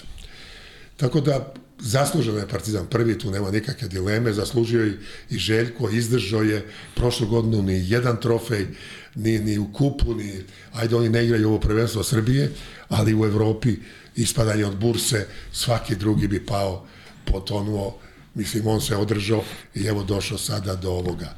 Trebalo je Partizan da prođe Real, ono što se desilo, to je stvarno neverovatna stvar, ali ja i dalje tvrdim da je to najveći krivac Panter, i tu nema šta. Kako će biti iduće godine Zvezda i Partizan? Ovaj, ja mislim da oni će imati opet velike budžete i ne može, ovaj, ja mislim da tu i država strašno puno pomaže, ali ne može ovaj, da, da, da neki ljudi recimo koji me susreću pa pitaju, oni misle da Alba ili Bayern ili Asvel imaju veći budžet od Zvezde i Partizana. Žalgiris, pa svi oni imaju manje. Ne, Asvel je izbacio, pa 16 miliona su imali ove godine. Sledeće ide na 18. Ja oni su izbacili naredni pet godina budžete ka, kako će da bude. To je, to je, to je Asfel, da. Drugo je Makabi, drugo je Efes, drugo Real Barcelona, ne znam, Olimpijakos, Panathinaikos, ali parti, Partizan i Zvezda sasvim su tu solidno sa time. Sa time. E sad, oni svi razlozi koje sam pomenuo što Zvezda nije bila prvak, to su i razlozi koji nije išla u osam kasni dolazak trenera, kasni dolazak Kampaca. Oni Mislim, Kampac, da... ajde, i došao je na vreme, nego on je imao onu restrikciju, zabranu igranja, da, koliko je da, bilo, jeste. mesec i nešto da, ako ne i više. Jeste, i onda poraz recimo od Panathinaikosa tamo potpuno bespotreban, onda od koga su izgubili od Albe u, Alba ovde, uh, Olimpija, i tako beše Milano i oni isto ovaj, poslednji su bilo je došli. Da. nekih ikseva baš onako, a recimo po meni najbolja utakmica Zvezde koju sam video da jedan naš tim bez, bez stranaca odigra tako dobro, to je bilo s Barcelonom. To je bila fantastična utakmica i vođena. I pripremljena. Pioniru? U pioniru. I onda jedina greška ovaj mali Petrušev ne napravi faul na Mirotiću, samo mali faul, da ga dotakne, svirali bi faul, dva bacanja. Ali to je bio i propust sudija, mora se priznati. Dobro, jeste ovaj nagazio. Da, ona je baš... Ali nema veze, to, to, to ovaj mali Petrušev nije video. On je, njegov je zadatak bio da napravi faul. Imamo tri razlike, mora da se napravi faul. Da, da. On ga nije napravio, sad dalje to neiskustvo. Ja više ne priznajem igrače od 20 godina da su neiskusni. To je bilo u Italiji, u Španiji, ranije stalno, dok nisu i oni malo promenili. Pa niko nema 20 godina tu. Svi su oni stariji od 20 Pa je godina. sve, eto, U tome ne što su. Petrušev, Ali- da. Ovo, Ali ima i taktika 20 neka koja je bila ta, na timeoutu prethodnom, kako već, mora da se zna šta se radi u tim situacijama. Đorđević, Danilović, ne znam, Komazec, Dražen Petrović, to je sad sve sa 17 godina već igralo. A Dončić je sa 17 godina igrao- igrao u Realu i to igrao pored onih onolikih asova, igrao koliko hoćeš. Prema tome, ovaj, ako igrač vredi, ja ne mislim da on ne treba da se baca u vatru kao čeka, ima on vremena. Ne, nema tu to tako. Kao on sad ima 18, a kad bude za dve godine on će igrati bolje. Jel će, bit će zreli, ali i sa 18 ako vredi, moraš da ga gurneš u vatru. Evo kao što je ovaj mali Topić. Međutim, e, i ovde i kod Topića se ide malo suviše iz okola. Da kažem, ovaj, to je inače princip uh, Miška Ražnjatovića i Mege, nije uopšte loš. Igraš prvo u juniorima Mege, pa onda pređeš u OKK Beograd, koji, koji igra KLS ligu, tu već igraš sa seniorima. Onda prelaziš u Megu, koji igra ABA ligu, još jače, i onda ideš u NBA. Odlično. Ali za Topića ja mislim da je trebalo ranije. Topić je već mogao da igra u Zvezdi, po mom mišljenju. On je, on je trebao već da igra, jer ako tako, ja ga vidim da vredi, on ima svojih mana, nije baš nešto naročito brz, tako, međutim sve vidi, ima dobar pas, dobar dribling, ima, ima srce pre svega, ova, ima o, samo pouzdanje da hoće da on reši utakmicu, ima solidan šut, ima, ima sve. Takav ranije je, mnogo ranije gura. Da, da. Mora da se gurne. Nema tu dileme. Zašto bi on morao da igra za OKK Beograd? On jeste bio najbolji u OKK Beogradu. Ali to nije dovoljan nivo za njega. Može on, može, može više. Ma to je, to je Đuro menadžerski sjajno, tako. Ali, ali, go, govorimo o tome šta igrač vrati košarci, odnosno ovom našem podneblju ovde. To je njegova lična priča. Ja govorim sad iz pozicije navijača. Trebaš da igraš, da se zapatiš negde, da se neko identifikuje s tobom, neko dete, a ne da čita u novinama kako je on dobar u, ne znam gde, u Golden State Warriorsima ovde za Zvezdu ili Partizan ili bilo koji tip, da ostaviš trag, da se zapamti da si ti tu igrao, da si postigao to i to. Bojane, tu si tu pot- ne, 100% u pravu. To ja ne mislim da- 99, da ne. A to je bilo tako ranije. Ali ranije je bio propis, do 28. godine ne možeš da odeš. Ne, ne, znam, I onda znam. klinac koji je recimo visoko oko 190 gleda Kićanovića, kako igra Kića, ja bih volao da budem Kićanović. Ovaj u Zadru gleda Đerđu, ja, ja sam mali, ja ću da igram kao Đerđa. Ovaj, ne znam, gleda Tvrdića ili... Ja sam visok, ja bih volao da igram kao Skans ili kao Divac. Ovaj, ali je imao priliku da ga gleda ispred sebe. To imaš pravo. Naša košarka ovde nema nikakvu korist od toga. On kao mlad odlazi napolje, a, ali sada ovo što ovo je katastrofa kad ovi klinci Jel- za 14 godina odlaze u Španiju i, i u Italiju neke škole, neka stela, azura, nešto ovo ono, ovde ga niko ni ne vidi, to je, to je, to je neverovatno. To je baš onako, ovaj, pa evo ovaj mali Smajlagić, sreća što se vratio ovde. Čovjek igrao za onaj, kako se zove? Kotež. Onaj, ko, kotež. Direktno iz koteža čovjek ode u NBA. I sada ovde kad pravi neki faul, ovi kao vidi bre kako, pa čak čujem kao glup je, pa kako tako, pa čekaj bre čoveče, on nema iskustvo. On nikad nije igrao ligu ni jednu. On je bio u kotežu, koja je to liga i onda otišao u NBA, šta je radio u NBA? Igrao malo razvoju, pa malo ga stave, pa na treninzima nešto, nema on iskustva. I on je za mene fantastičan, obzirom na iskustvo koje je imao. Tako, ovaj, ne zapravo on- on sme da se ozbiljno- kritikuje. E, tako i ovi neki klinci isto neopaženo prođu, pa Jokić je prošao kroz našu košaku neopaženo. Ko je njega nešto vide u Megi? Koga je nešto gledao, ko, ko navija za Megu, pa da ga je gledao. I odjedan put ode tamo i mi sad se divimo Jokiću, koji je stvarno genijalac, svaka mu čast. Ovaj, tu nema nikakve dileme, ali je, mislim, po meni, je to, ja sam ubeđen u to. To je malo, nije lepo kad se kaže to za Jokića i to kaže jedan Srbin za Jokića. Ali realu je bolji Tavareš nego Jokić. Evo, budimo, mora budemo realni. Ako si Sigurno, trener, sigurno, ja se slažem. Njima treba čovek koji će da lupi bananu, koji će da skine loptu i da preti protivničkim igračima koji ulaze. Jokić taj nije. A, a što se tiče kreacije, Jokić je doktor, profesor Tako za. Tavareša, Tako ali je. njima ne treba to kad imaju onake vrhunske bekove. Pored onakih, onog Fer, Fernandeza, ovoga, eh, kako zove, Ljulja, ovoga uh, Rodrigeza, oni njima na, vrhunski igrači sede na klupi, ne mogu, i 15. su i 14. ne mogu da igraju, oni te imaju, njima to ne treba. Njima treba Tavareš. To je znači, treba da, da komponuješ ekipu onako kako je Real ukomponovan, njima je Tavareš idealan. Ako bi otišao Tavareš, evo sada kažem, na primjer, da potpiše ugovor sa Dekom, e, na, na četiri godine, Jabusela, evo i ti četiri godine, da uzmu sada, lupam na pamet, je nekog ovaj, baš dobrog centra, recimo, eto, Milutinova, Sada je nema podatak. Hernandeza se vraća. Oni neće ništa uraditi bez Tavareša. Tavareš, kao što Jokić znači za Denver, tako, a Tavareš u Denveru, oni bi se smejali sa njim. Ne bi se smejali, ali bi ono, mislim, Denver ne da ne bi, ne bi ušao ni u osam sa Tavarešom. Da, da A ima defanzivne 3 sekunde, on ne može tamo toliko da dominira kao ovde. On u reketu ne može provede toliko vremena koliko u Tačno, Evropi i to, provodi. i to, i I to. znači, ti mo, evo Jokića ko prati, on vidiš ga malo, malo pa izađe, pa kontakt sa protivnikom. On mora da se pomera iz reketa da bi funkcionisao. A Tavareš ovde uđe i čeka. Tako da je njihova dominacija s tim stvarno su bili zatvorili, ali sad posljednja informacija što sam ja video da on odlazi.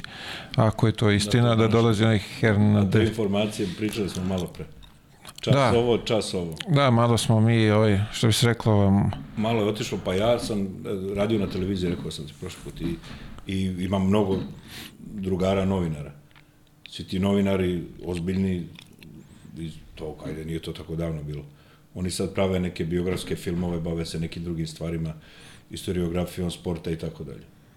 A novinari ovde e, prenose vesti što, sa drugih sajtova ili od nekih tamo.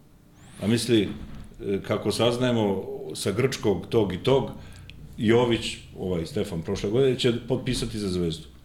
Kako novinar iz Beograda da saznaje od Grka da će naš igrač u naš klub. Pa nazovi telefon, pa vidi, pa interesuj se, pa, da možemo se ne javi. pa napiši, neće da mi se javi. Nemanja Bjelica osvoji titulu NBA i nema ni jedan njegov intervju kako je to bilo. Ni jedan jedini. Kažu neće da se javi. Pa napiši, probali smo, ali neće da se javi. A onda njega što neće da se javiš?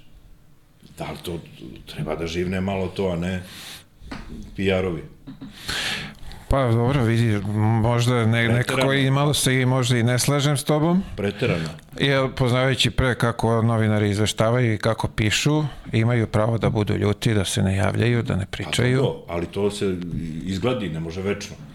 Ne može igrač da bude večno ljut i da novinar bude večno ljut. Pa vidi, ne, neki Oni- ovaj oni zajednički jezik moraju da nađu. Zbog javnosti. Javnost čeka od ovog da ovaj prenese šta kaže ovaj. Sad je ob- objavljeno za Panteru u Barceloni, pa se digla halabuka, Da, čovjek ostao u klubu. pa ostao u klubu. I nikom ništa. I sad objavljuju drugo i sad ljudi trče i čitaju to drugo i svađaju se, komentarišu, nazdravljaju. A ko zna da li je to sad? Šta je tu merodavno što se pročita? Pa ništa. rezultata. Zato ne čitajte novine. Pa čitajte novine, ali čit, pogledam, neću sad Politiku. da reklamiram strane sajtove, strane iz okruženja, iz Jugoslavije biše. Kakvih ima divnih sportskih članaka. Fantastično. Znam, držao sam sajt, znam kako to izgleda. Sve što napiše, ovaj uzme copy paste, prepiše, A eto, niko te ne zarezuje pomenuo 2%. Bojan Stefana Jovića. Mi nismo malo prekazno pričali o našim igračima za ovog Nikolu Jovića, rekli ništa. Da, Ovaj, preskočili smo. njega smo, dobro, on jeste stvarno igrao malo i to što uđe dve minute, ovaj, za njega je bolje bilo da je odigrao negde u Evropi nešto, nego što je sedeo u Majamiju. Miami je druga ekipa, fantastično, ali ne može se postati igrač sedeći na klupi. On mora da igra. Ja mislim da on ima kvalitete za NBA, zato što ima pre svega dobar šut, dovoljno je visok, ima i dovoljnu drskost, to sam vidio dok je igrao za Megu, ali ovaj, ako se Miami pojača na tim pozicijama koje on još ima, ovaj, onda onaj Butler, mislim, pored njega, kako on može da igra, ovaj, onda je to e, finansijski možda dobro prošao, ali igrački to je slabo. Ali sad gledamo ovako, imamo, imamo slika, bilo je skoro su prikazali kad je došao i sad ovo na finalu. On izgleda mnogo jače, više mase nabacio. Da li bi on to u Evropi kroz igru mogao da nabaci pa tu masu? I izgleda jače nego što je otišao, otišao ovakav. Jasno. Kukoč je otišao ovakav, ovako jedno... Mora ih da ih nisam osposobe Da li je to baš najbolji način. I, I ovaj, kako se zove, Dončić sad skida kilo. On je stvarno bio pretežak ovo jedno vreme. Tako I je. oni su njega pumpali, ali ovaj, on sada čovjek skida kile, ne može da se igra, ne znam, toliko minuta i toliko utakmica u godini sa tolikim kolaž, kilažom koji ima on. Ovaj, ja očekujem, pošto je Spolstra odličan trener, ovaj, da će on ovaj, dobiti šansu, jer uh, uh, ne bi ga doveli da ne misle da će da ga, da ga stave. Ali opet s druge strane, onaj hero je bio, ili hero kako zove, on je bio povređen, nije igrao, a on je to što igra Jović. Digne se i šutne. A ima šut bolji od Jovića. I ima visinu kao Jović. Tako da, Ma, Miami na tojim pozicijama nema problema. Miami ima onoga centra Adebayo, koji ne, ni visinom, ni, ni, ni ne znam, nekim drugim stvarima ne može da bude ovaj pandan ovome Embidu ili šta ja znam, Davisu ili čak i, i Goberu ili onom Townsu, sve to jače od njega, bolje od njega i mene čudi da su ostali samo na njemu. Odlično on igra, on igra po meni iznad svojih mogućnosti. Po meni. Ali eto, samo što ovaj, nije moje da pričam sad o Majamiju, Ja nego sam- ja mislim na Jovića. Ja sam mišljenja da konkretno za Jovića i za svakog drugog, ako staviš kao graj, krajnji cilj sebi NBA, imaš priliku da ideš tamo, da će te za NBA naj, najbolje spremiti NBA i da je on otišao na vreme. Meni je žao što Jović nije igrao ovde, je super igrač, da ga nismo gledali u nekom timu ovde kod nas, ali ako je tako odabrao, i Jokić je odigrao odmah, počeo da igra sjajno, ali ponovo on je nadogradio sebe i svoje telo, taman koliko treba da bude ovo što je tamo. Oni verovatno znaju to. I kad smo kod, kod Amerikanaca, da ne zaboravim da čestitam svom drugu Darku Rajakoviću imenovanje za trenera Toronto Raptors. Bra, da, to bi propustili, viš svaka Darko čast. je divan momak i, i na stranu što smo drugari, nego je, on je pravi e, otelotvorenje one poslovice tiha voda breg roni. Nenametljivo sa strane, vredno, radno i ovo dokle je došlo. Ja mu isto čestitam, iako ga ne znam uopšte, stvarno. Vidi, isto, Ja ne nemam, znam. nisam upoznao čovjeka, svaka mu čast, nek mu je sa srećom. Vidim Ja povukao znam je i, i ovog prolazio. a, drugog a, momka, Sivo, Ivo, ali tako? To, jeste, oni su zajedno radili u Španiji, Ivo Simović. Simović, bravo. I ovaj, ostvario svoj Vidi, sani. želim svu sreću, se- što bi se reklo, naše gore list. Videli smo se u, u Americi prošle godine, on bio pomoćni trener Memfisa i pričali smo dosta dugo i ni, mislim da se bio vezao tu za tu ekipu, za tu situaciju, međutim ove godine mu iskrslo ovo kao mogućnost i prigrabio je i svaka mu čast. Svaka mu čast. Želimo mu puno sreće u narednoj sezoni, da namesti, što bi se reklo, ekipu i da to bude lepo da, da potraje. Ne, ne, pa to su... Igor je imao onih par izleta kao prvi trener, ali nije nije potrajalo. Sad ćemo, Sad je, nadamo sad je, se da... ja- se nadam, i znajući njega, on će to polako, neće praviti greške. Možda ne bude neki nagli skokova na gore, ali na dole neće ići. Želimo mu susreću. Uh, ovo me zanima. KLS Liga, evo pre neki dan pojavilo se ovo nameštanje utakmica, igrači su pod, pod koliko su rekli, 30 30 igrača je pod tom nekim kako se zove to, sankcijama, pod prismotrom, šta, šta je već zna se ko je, pod istragom, ovaj, mi svi znamo za to što bi se reklo da se dešava, ali evo sad je prvi put konačno pokrenuto. Kako i gledate na, na tu situaciju? Mislim, žalosno je što je to kod nas ovde u, u Srbiji. Ja sam, ja lično ne znam pojedinačno ko to radi. Iskreno, pitao sam često igrače i sigurno nekad neko namešten utakmicu. A da ja, naravno, svi su rekli da ne. Ovaj, Liga KLS i prošli put sam o tome pričao se objektivno ovde ne prati. Prate oni koji igraju. Nema je na ovim sajtovima, nema rezultata. Evo sad... Misliš prate ovi koji igraju kladionicu? Ili ovih što igraju ligu? I familije. Jer evo sad su došli u, u medije zbog ovoga, na negativan način, a ne kako su trebali. I to je kao mlađa selekcija. Šta ti klubovi proizvode? Gde su, zašto mladi igrači iz, iz klubova iz nekih regiona, nekadašnjih centara, zašto odlaze trčećim korakom negde u Đure je rekao, idu u Italiju igrači. Prošao je Marko Simonović, on je iz Crne Gore, i prošao je, proće Konstantin Karapetrović. A otišlo je 100 igrača. Ja ne znam koji još, eto, ja ne znam. Ne kažem o, o kvalitetu rada tamo, o posvećenosti, nego o motivaciji igrača koji mora da ostane fokusiran i usresređen, odnosno na ono što radi, da radi punim intenzitetom sve vreme od kad počne da trenira košarku.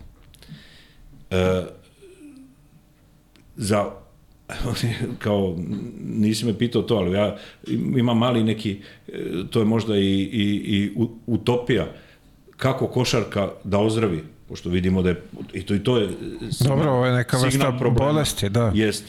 Samo da igraju igra ko je bolji, samo to, to nije samo u stvari, samo to, da igra ko je bolji i da treneri samostalno rade svoj posao.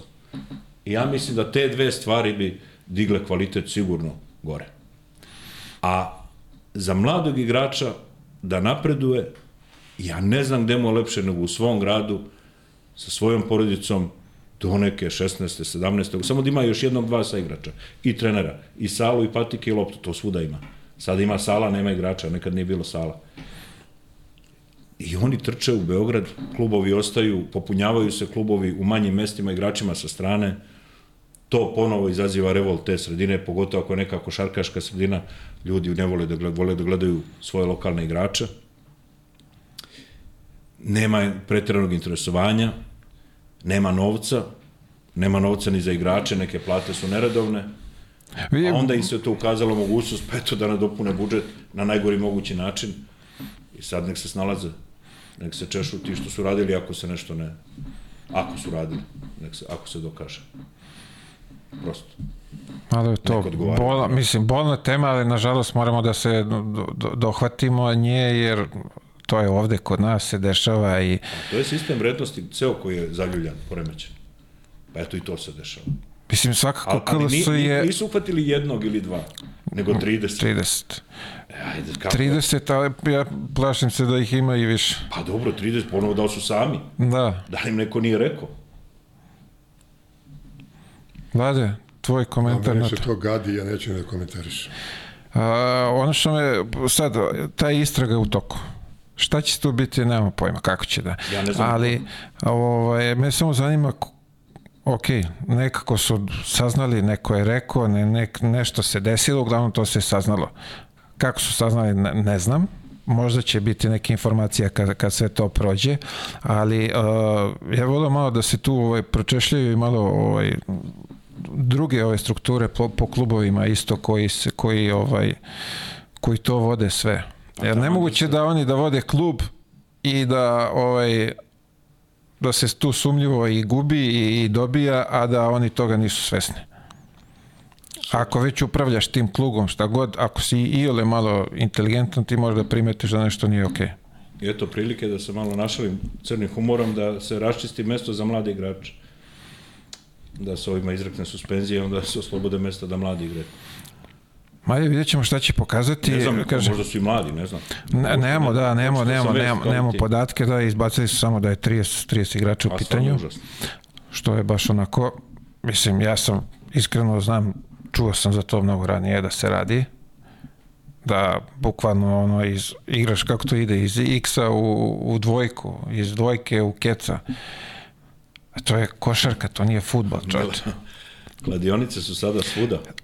Tako je, da, evo Neminovni i, sponzori, futbolski klub je. Milano ima, imao je kladionicu. i naj, najveći klubovi imaju- ovaj, na imaju- svetu imaju, evo i ja ovde isto, ali pričamo o tome što Ali je... ponovo, zarad očuvanja sporta, zarad očuvanja takmičenja, zarad očuvanja i olimpizma na kraju krajeva, kao nekog nad, e, nadvrednosti sporta, to bi trebalo drakonski kaznati da se ne ponavlja.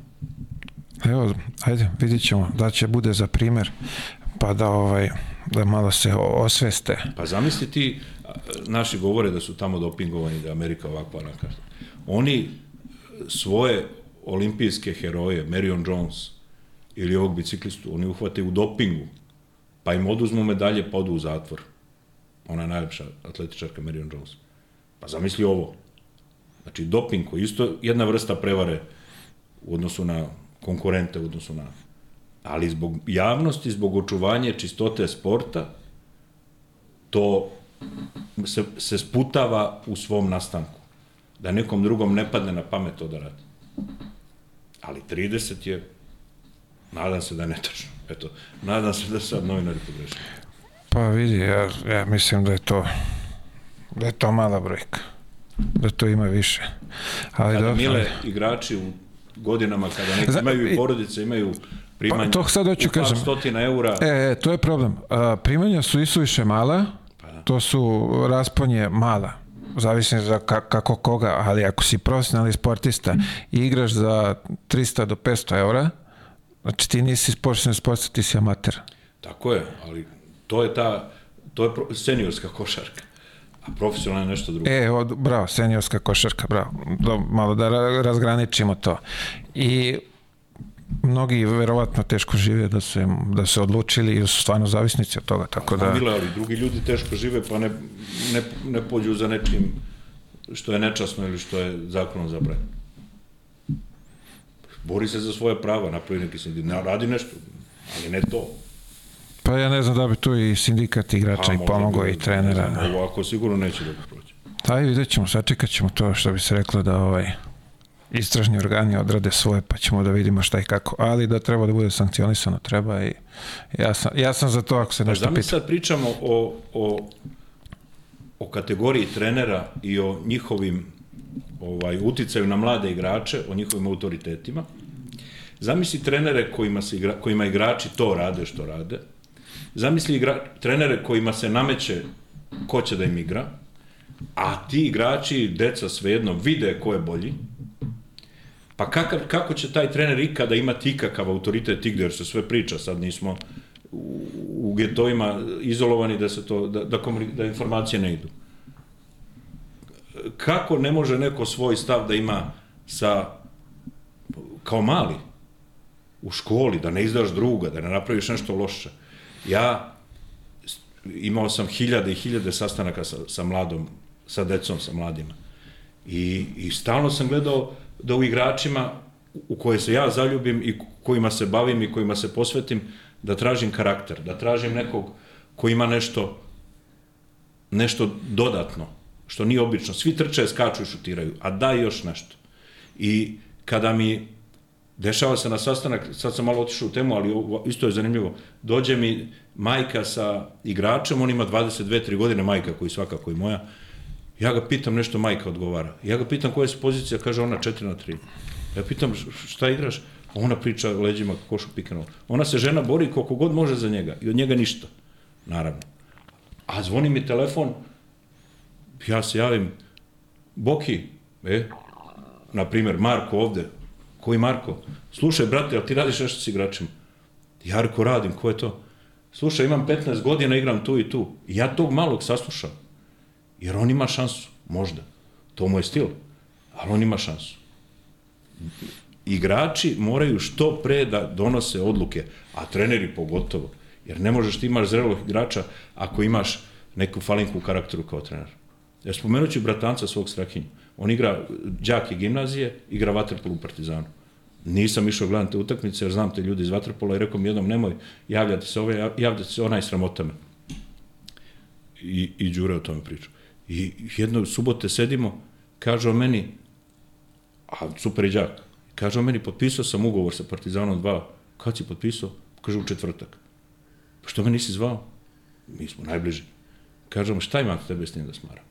Ja mu kažem, dečko, ja za tebe više nemam pitanja, svaka ti čast.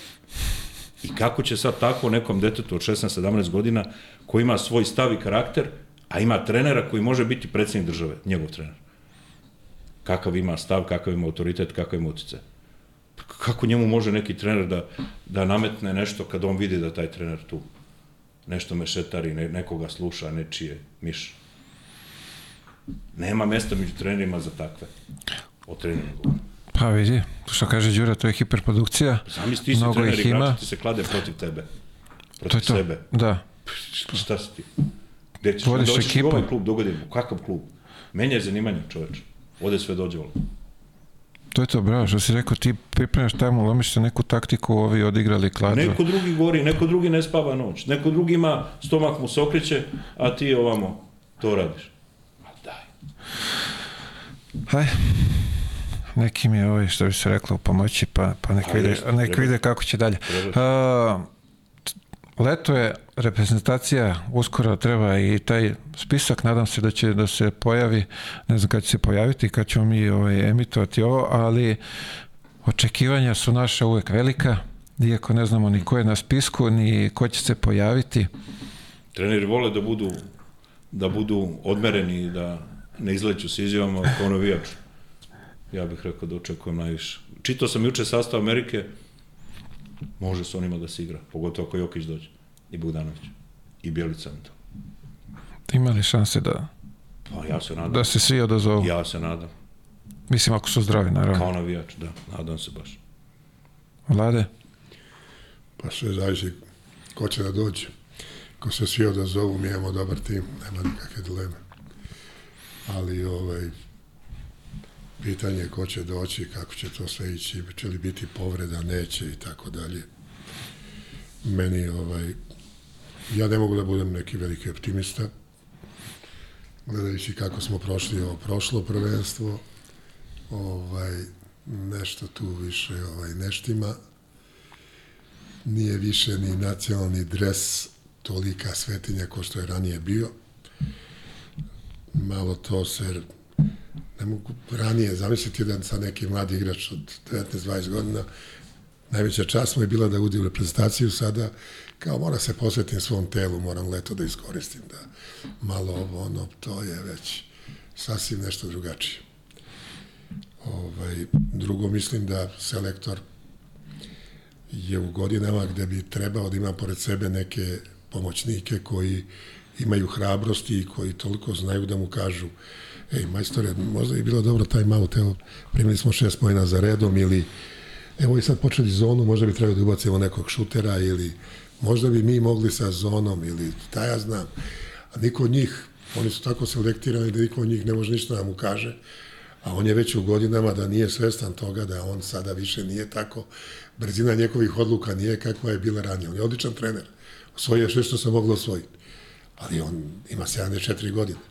Ja, imam, ja sam stariji od njega 75 i ne bavim se više time već dugo, a mislim, mislim da ovako po nekom reakcijama, možda sam malo i, možda bi bio i brži od njega. On, ovaj, to neko drugi možda treba da mu kaže, i evo ja to govorim, on bi morao da bude okružen sa nekim visprenijim mladim, ovaj, kao što je rekao i, i ovaj, Željko Obradović, kad moji pomoćnici, to je vrh, vrh vrhova, svaka im čast za sve što su uradili. Pa eto, takav neki pomoćnik ko sam ja video, oni svi Partizanu skaču i nešto kažu igračima. Naši ovi selektori, u, ne selektori, nego pomoćni treneri, oni su tu i zadovoljni što su tu, pazi, reprezentacija, mislim, kako ih je on selektirao? On mora da selektira po stručnosti, po, po načinu kako ovi razmišljaju o košarci, a ne po tome koliko je on ovaj, njemu pogodan, ovako da kad kažem politički. Ovo je dobar, ćuti i ništa. Pa, zar ne bi trebao pomoći trener, da, da prvi trener bude svestan da će ga naslediti pomoćni trener. Taj. A, i to je.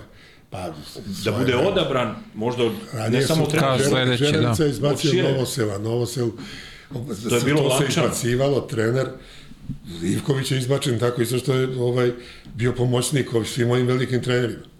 Pa onda ajde ti. ovaj, ovo sada, ti svi, šira javnost ne zna ni jedno ime od ovih koji su njemu na, na klupi, a mora to da bude neko, neko jači, ovaj, koji, ja da sam njegovom mestu, ja bih rekao, evo sad preko leta Dejan Milojević može, on je u NBA, daj ga ovde, pa tako neko, evo taj Rajaković, da bi ti mogao da dođeš malo, pa zašto da ne? Ovaj, jeste on bio ranije to što je bio Pešić, ali nije on sada u tim godinama da može tako da, da, da sam razmišlja, da uzme toliko odgovornost na sebe. I Obradoviću priskoči neko, pa evo gledajte, u Realu isto priskoči pomoćnik, pa Da, mu da, kaže nostav, nešto da. glavnom treneru. Da li će glavni trener da prihvati ili ne, ali tvoja dužnost kao pomoćnika je da to uradiš. Ali ako ti nemaš uh, hrabrosti za to, ako on tebi kaže, ma sve delo, bre, bre, e onda, onda ti ne treba pomoćni trener. Šta će da pomoći trener?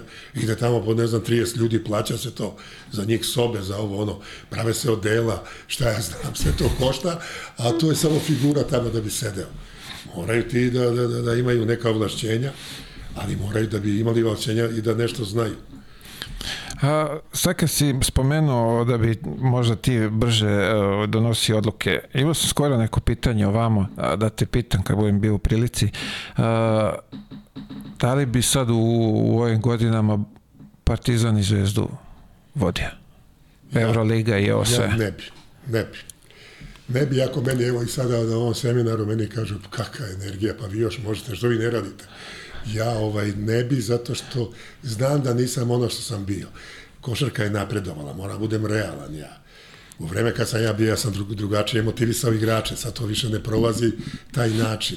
Ovaj, e, drugačije se igra, meni to nije jasno da, da igrač ne može da igra više od 20 minuta ili 25, kao u, naigrao se igrao 20 minuta. A čekaj, ajde ti ranije, kako si ti mogao da izba, da kažeš Galisu, ajde izađi napolje, majke ti, ili ne znam, ovaj, Dražanu, ja nisam mogao Dražana, imao sam muke sa publikom kad ga menjam. On neće da, hoće da igra. A sada ovi jedva čekaju i ovi veliki igrači, u dobra, ja uradio svoje, sad sednem, Mislim, ne znam zbog čega mora da se igra samo 20 minuta. A dobro, Da već se je broj utakmica sad nego kad Jeste, je, i moramo tačno, budemo to je iskreni, da. To je tačno, ali ako neko igra dobro, zašto bi ga ja menjao tek? Pa i ovaj Melon isto to radi. On isto uopšte ne gleda koji rezultat, on dva minuta pre kraja prve četvrtine menja Jokića. Pa onda počinje drugu, opet bez njega, pa ga onda uvede. Nema uopšte veze kakav rezultat, ja to ne razumem. Da, to- kod njih je tamo neki način, zna se kad ko izlazi, da, to je malo... Oni to, ja, ja to ne razumem, igra onaj igrač koji, koji igra dobro. Ako meni Dobrić igra dobro, ako ubacuje, pa nešto da ga manjam, nema, nema tih para. Dok ne Igra- traži sam dok, izmen. Dok ne umre, dok sam ne traži izmenu, ovaj, u redu, onda će ga promenim. Što bi ga menjao ako mi ide dobro i on igra dobro. A tu se menja, eto kao čekaj, mora malo i on, malo i to, to je ranije, nije bilo tako. Nije bilo tako. Tako da ovaj, ja to sada, pošto to ne razumem, Ali, Đuro- mada isto tako, ja znam i drugu stvar. Ja bih rekao to otvoreno predsedniku koji bi me tražio ili vlasniku kluba, ovaj, ali onda, majstore, moraš da mi dovedeš dobre pomoćnike. A ja znam koji su dobri, jer oni mora da mi pomognu, oni mogu, mora mnoge stvari da mi urade. Ali opet je to pitanje kako bi to štimalo.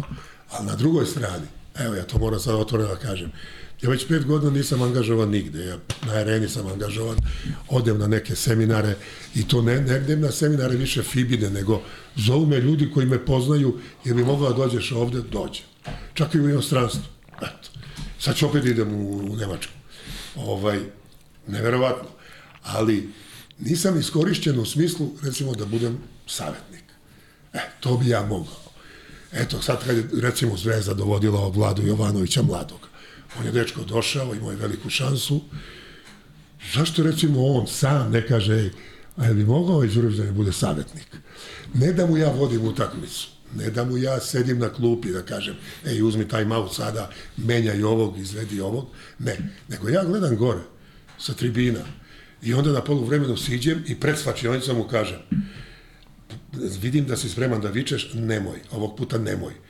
Možda neki sledeći put. Drugo, nemoj da menjaš ovoga broj 10, on igra mnogo bolje nego ovaj, ti to ne primećuješ, a drugo, on se mnogo ljuti što ga tako često menjaš. I tako nek, si, si ti neki savjet. Posle utakmice, ovo ti je bilo dobro, ovo dobro, ovo ne valja, ovo ne valja, ovo za sledeći put i tako dalje. Zajedno bi mi pravili taktiku i tako dalje, ali nemoj ja sedeo na klupi. Eto, Neće... koji treneri su imali, izvinimo, Maljković. Čovek bio od sedam godina pomoćnik Žeravici, sad je prvi trener, pa koga on zove? Pa Aco Nikolića zove. Bogdan Tanjević imao Aco Nikolića za savjetnika. Nije ih bilo sramota, alo. Kako je postao Željko Obradović? Pa Aca Nikolić mu bio savjetnik. Ovaj, zašto ne bi ovaj, neki, neki sada trener da probamo? Ja mislim da bi ja i u psihološkom smislu najviše mu pomogao. A onda, znaš, kako, dešava se da trener uđe u sukob sa nekim od stranaca. Možda i ne govori baš najbolji jezik, jednostavno taj Amerikanac nešto mu ovaj ne leži, majstore, ostavi ga njega meni. Ja ga uzmem, odemo malo na pićence, ne, neću da kažem kafu, zato što on ne bi ni naručio kafu nikad, uzeo bi vjerojatno Coca-Colu i ja bi onda s njim, majstore, pa slušaj, ovaj tebe obožava.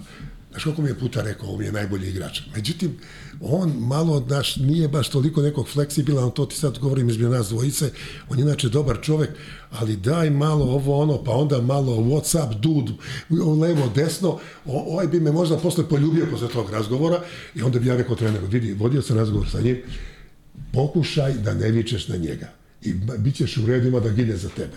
Eto, recimo takva stvar. I sve je rešeno. To su te cake koje su potrebne. Zašto? Pa, zašto e, koristimo pomoćne trenere, doktore, fizioterapeute?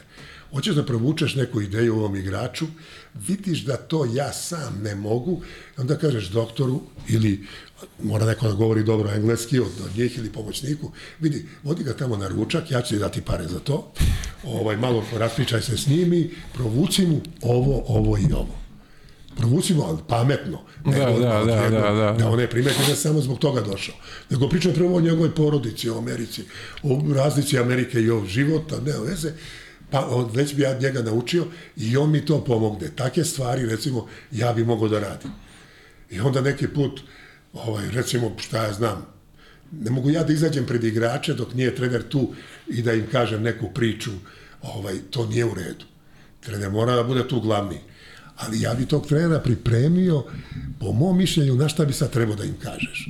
Pred ovu utakmicu moraš recimo da im spustiš tonus. Oni su napeti. Nemoj sad, ovo je važna utakmica, teška je da ma pusti to. Oni znaju da je teška. Nego daj malo kako da ih rasteretimo. I onda bi ja rekao neku priču. Pa to bi nas fantastično pomagalo. Pa dao Ja si primer malo ja pre Željka. sad Vlado Jovanović, on je dobar momak i šta ja znam. Jasno. Verovatno on meni ne zna, pa, i, i, ali recimo to bi mogao neki predsednik kluba da kaže, ili neki menadžer, e šta misliš da uzmemo ovoga za savjetnika? Nikome nije palo na pamet. Nikome. Mene zovu iz unutrašnjosti ovi mali klubovi. Znaš kako Mene kad- zovu, pazi, zove me Kolubara, ne znam i tako. Ali, mislim, ja prvo sad u ovim godinama treba da putujem tamo i tako. Ali U kad, Beogradu se niko nije setio. Ja mislim da bi da, da sam tu mogao da budem iskorišćen, ali niko, da ne govorimo o Savezu. Niko a i ego imaš ovde, zoveš nekog za savjetnika, ima, znači jeste. to je, vidi, ovaj mnogo pametniji od mene. Sa svojim iskustvom i životnim, i pazi, koliko njih je promenilo 26 klubova u karijeri i 13 zemalja. I drugo imaš 75 godina. I ne izgledaš kao da imaš 75, znači još me malo služi mozak. Ovaj, koliko njih ima takvih da, da ja u Savezu recimo, majstor, ajde ti malo koordiniši rad ovih trenera, da vidimo ovo mlađe kategorije, kako ide od pionira nadalje, da to malo ti uzmeš pa da porazgovaraš sa njima. Pa neki mali seminar da im održim. Pa šta bi trebali ti mladi da rade? I ovo što on govori, A reprezentacija, ako je Pešić trener, igra ovaj sistem u napadu, ovo igra i u odbrani. Akcenat je na ovom i ovom. Tako treba da rade i juniori. U 20, u 19, u sad. Svi rade, pa kad dođu u A reprezentaciju, nema više ovaj da ih podučava. Ovo, ovo je princip. Samo što se kod nas ne zna ni koliko će biti Pešić, ali i koji će biti ti treneri tih drugih ovaj kategorija. E, bilo je tu i ljudi koji su, recimo, bio je Krstić, ja znam, bio je Igor Rakočević. Sve su to imena, sve ja to poštujem. Ali nemaju oni iskustvo koje imam ja. Sigurno nemaju. Ja sam sebe namećem, neću. Ovaj, ne kažem ja da, da je meni loše i ovako. Ja imam sasvim zadovoljan sa svojim životom. Moram da priznam da se družim mnogo više s mlađim ljudima nego mojim vršnjacima i zato se verovatno tako i održavam. Igram karte, igram šah, ispunjavam ukrštene reči, pratim šta se dešava, još pričam na areni, ljudi me slušaju, imam još neku vrednost. ali to nešto, to iskustvo koje imam ja, ali to su neke finese. Ne radi se o tome kako ćemo mi da sada obučavamo igrače, kako branimo pick and roll. To neka oni to rade. Ali kad ja to vidim, ja ću da kažem možda neku moju zamerku, ali ono najvažnije su te sitnice, a te sitnice znače znače ovaj pobedu, košarku. Psihologija je svuda i za nekih primjera da, da, da, da, da nabrajam koliko. Ali ja, recimo, sam i mom kumu Tanjeviću tu pomagao. Ono, trčavam utra besanja, samo kažem kume polako. I to je već dovoljno. Ne treba šta ima, da, da. kaže šta će on da kaže. Čovjek zna svoje. Ne mogu ja učim ovaj Vlada Ivan, o, Jovanović, verovatno sad zna bolje košarku nego što ja znam ovu modernu košarku. Ali nije razlika među trenerima i sada, recimo, šta ja znam, sam mislite da li Mesina manje zna košarku nego što zna Željko? Ili da li onaj trener što koga ne bude mnogo ovog iz Reala, kako se ono zove, ovaj novi? Da. Ne bude, on je nepoznat. Čus. E, Mateo. Pa šta misliš da on manje zna? On će slabije da objasni kako se igra zona 1-3-1 nego Željko ili kako se igra ovaj napad ili kako se brani. Svi oni to isto znaju. Personalitet, ličnost, to je važno, hrabrost. Naši treneri su bili mnogo hrabriji nego francuski treneri, šta ja znam, litvanski i tako dalje. Litvanija zemlja kočake nisu imali tako hrabre trenere. Naši treneri su bili hrabri da gurnu mladog igrača, da uđe u sukob sa najboljom, najvećom zvezdom u ekipi uđeš u sukobi i da ovaj malte ne, oni su persirali. Tu su te finese gde bi ja mogao mnogo da mu pomognem i on bi time rastao. I taj trener bi bio svake godine bolji i bolji uz neku maju, moju malu sitnu pomoć. Međutim, niko, nikad se nije setio toga, kažem ti, samo neki mali klubovi i ovaj, ja eto, da kažem da sam neiskorišćen, to moram da kažem, vezano za košarku. I zato ja mislim je, da nisi jedini, da ima tu još ovaj kolega još. tvojih pa koje, od koga može Evo, da se... Maljković je stavljen da bude tamo u predsednik olimpijskog komiteta. Ali isto on nije dovoljno od njega izvučeno za košarku. Još nije dovoljno on preneo svoje znanje. On treba još da drži seminare. On treba još da podučava mlade trenere. Svataš, nije to ovaj, kao sad je on otišao tamo, ja sam u penziji. Đuro, koliko tih trenera sa seminara ima posao koji dođu? Ili svi imaju posao, ti gledalci, slušalci seminara? Nema. Koliko se njih nada? Nema mesta za trenere. Broj klubova je ograničen. Jeste. Broj, Jeste. broj trener se ne zadržava pola godine, nego više godina, ako je dobar. Da, ne može ga menjati na, na, na, na, na godinu. Pa ne da, može. to onda nema nikakvog smisla. Ne može, ali zato je, Đure rekao, hiperprodukcija trenera. I svi slede neku mantru, neko mišljenje kao kada neko, neki autoritet, e sad i to je diskutabilno, neka bude autoritet, kaže nešto, svi ponavljaju, ne da je Bože da neko pomisli kao jerez da je to nešto drugo, da kaže nešto kontra. Kakvi? To je Horski u novinama ili u medijima. Tako I kad spomenješ medije... Tako ovoga što sam pričao. Recimo ovaj Spolstra, on važi za najbolji po meni, je najbolji trener u NBA. On, mislim, onako najlukavije vodi prilaz igračima, način kako se ponaša, kako izgleda, ali nemoj da misliš da njemu Pat Riley nekad ne kaže neki savjet. A, a nekad on sam ode kod njega u kancelariju. Ne, Jer, šta ovo misliš, će biti šta misliš, jest, ovo šta misliš, majstore, ovo utakmice, svi ovo što smo izgubili, moja greška bila ono što sam o, igrao sa tri mala i četiri visoka i tako dalje. I ovaj će sigurno da mu kaže, i to dobro namerno. Ne da on njemu naređuje, on da, njega da. drži i veruje u njega. Ali svakom treneru, kao što ne postoji veli, nijednog velikog igrača nisam video, da on ne pogleda neka trenera. I najveći igrači trebaju pomoć trenera.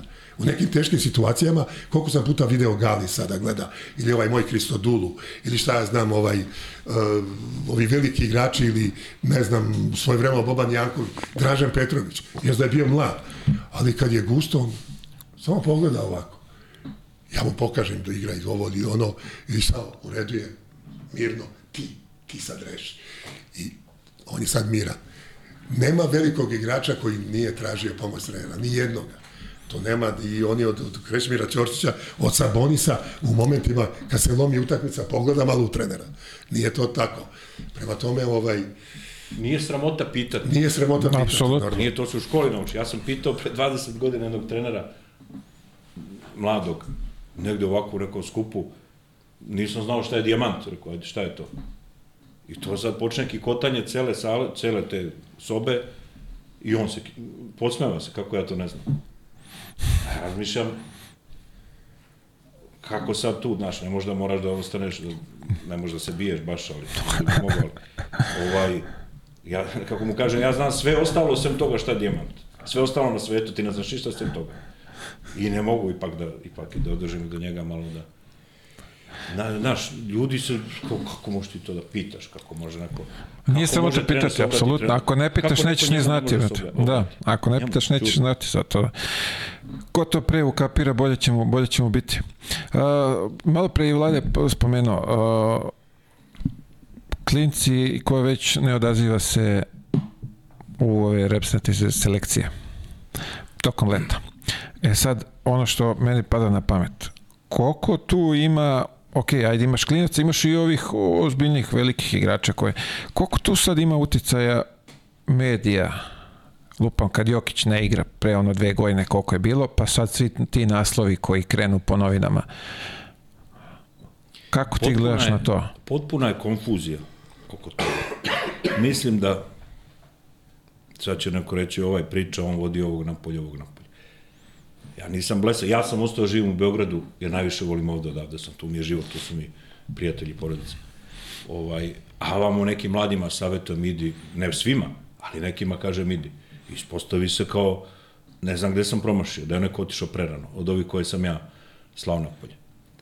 A ovde klinci trče u najbolje naše klubove, koji ih magnetski privlače, A prošli put sam rekao da sam pitao predsjednika Sijene Minućija što uzimate najbolje kad ne igraju u prvom timu, mlade. A on mi je rekao, par godina kasnije, radili smo zajedno, kaže, pa Boki da ih ne uzimaju drugi. Znači, njega ne zanima taj momak kao osoba, niti njegov, nikom, šta će biti s njim, bitno je samo da on, ako je Sijena, gazduje da one ode u Veneciju, da one ode u Ređo Emiliju, da negde bude, da mu ne pokoriše. Sad ovde oni dolaze u Partizan i Zvezdu, uzmem ta dva kao najsjajnija koja privlače mlade i skoro sam tako u, uz cigaretu držao pričao pred roditeljima, pa su malo slušali nekome, ne znaju mene, ali nekome zna. Ovaj, I kažem ovom jednom ocu jednog igrača, šta je vaš cilj kadeti, ja mislim su bili? Da uđete naravno u prvi tim Zvezde i Partizana. Koliko ih ima tamo u tom prvom timu? Trenutno. Iz juniora, nula. Znači doći ćeš do momenta gde dalje nećeš moći. Još ako bude ovakvi budžeti i pojačani budžeti i bude se osvajalo, tek onda neće Da, da, bit će sve teže, sve tek, teže. Jako. A pričao mi je svojevremeno Slaviša Koprivica kad je pozavljen iz Partizana, da je čuveni Slaviša Koprivica, otac Balša Koprivice, moj drug, pričao mi je da je pozajmljen, ali da nije gubio veru i nadu u sebe, jer je znao da ta pozajmnica znači povratak posle te jedne godine, da li bi u Valjevu ili ne. I naravno vratio se u Partizan, osvojio posle Euroligu. A ovi mali dođu do tog nivoa. I sad, oni su, kad ih čovjek pogleda ovako, to su vile, divno izgledaju ti igrači mladi. Međutim, oni su svi dobri, svi su podjednakih ambicija, podjednakih sličnih uticaja ovih sporednih koji mogu. I taj tim je dobar, ovi drugi su iz unutrašnjosti oslabljeni on tu gazi, oni pobeđuju, ovi momci daju 12, 14 pojena 8. Ali, ovo govorim kao, ajde, agent, da ne bude nevijač, ovo je malo dublje, Nije, ne govorim kao trener oni ne stiču rutinu. Znači, nemaju u rukama 25 poena. Neko ima redko ko ima Topić, a ovi drugi redko ko. I onda dođu do zida gde ne mogu dalje, moraju da menjaju klub.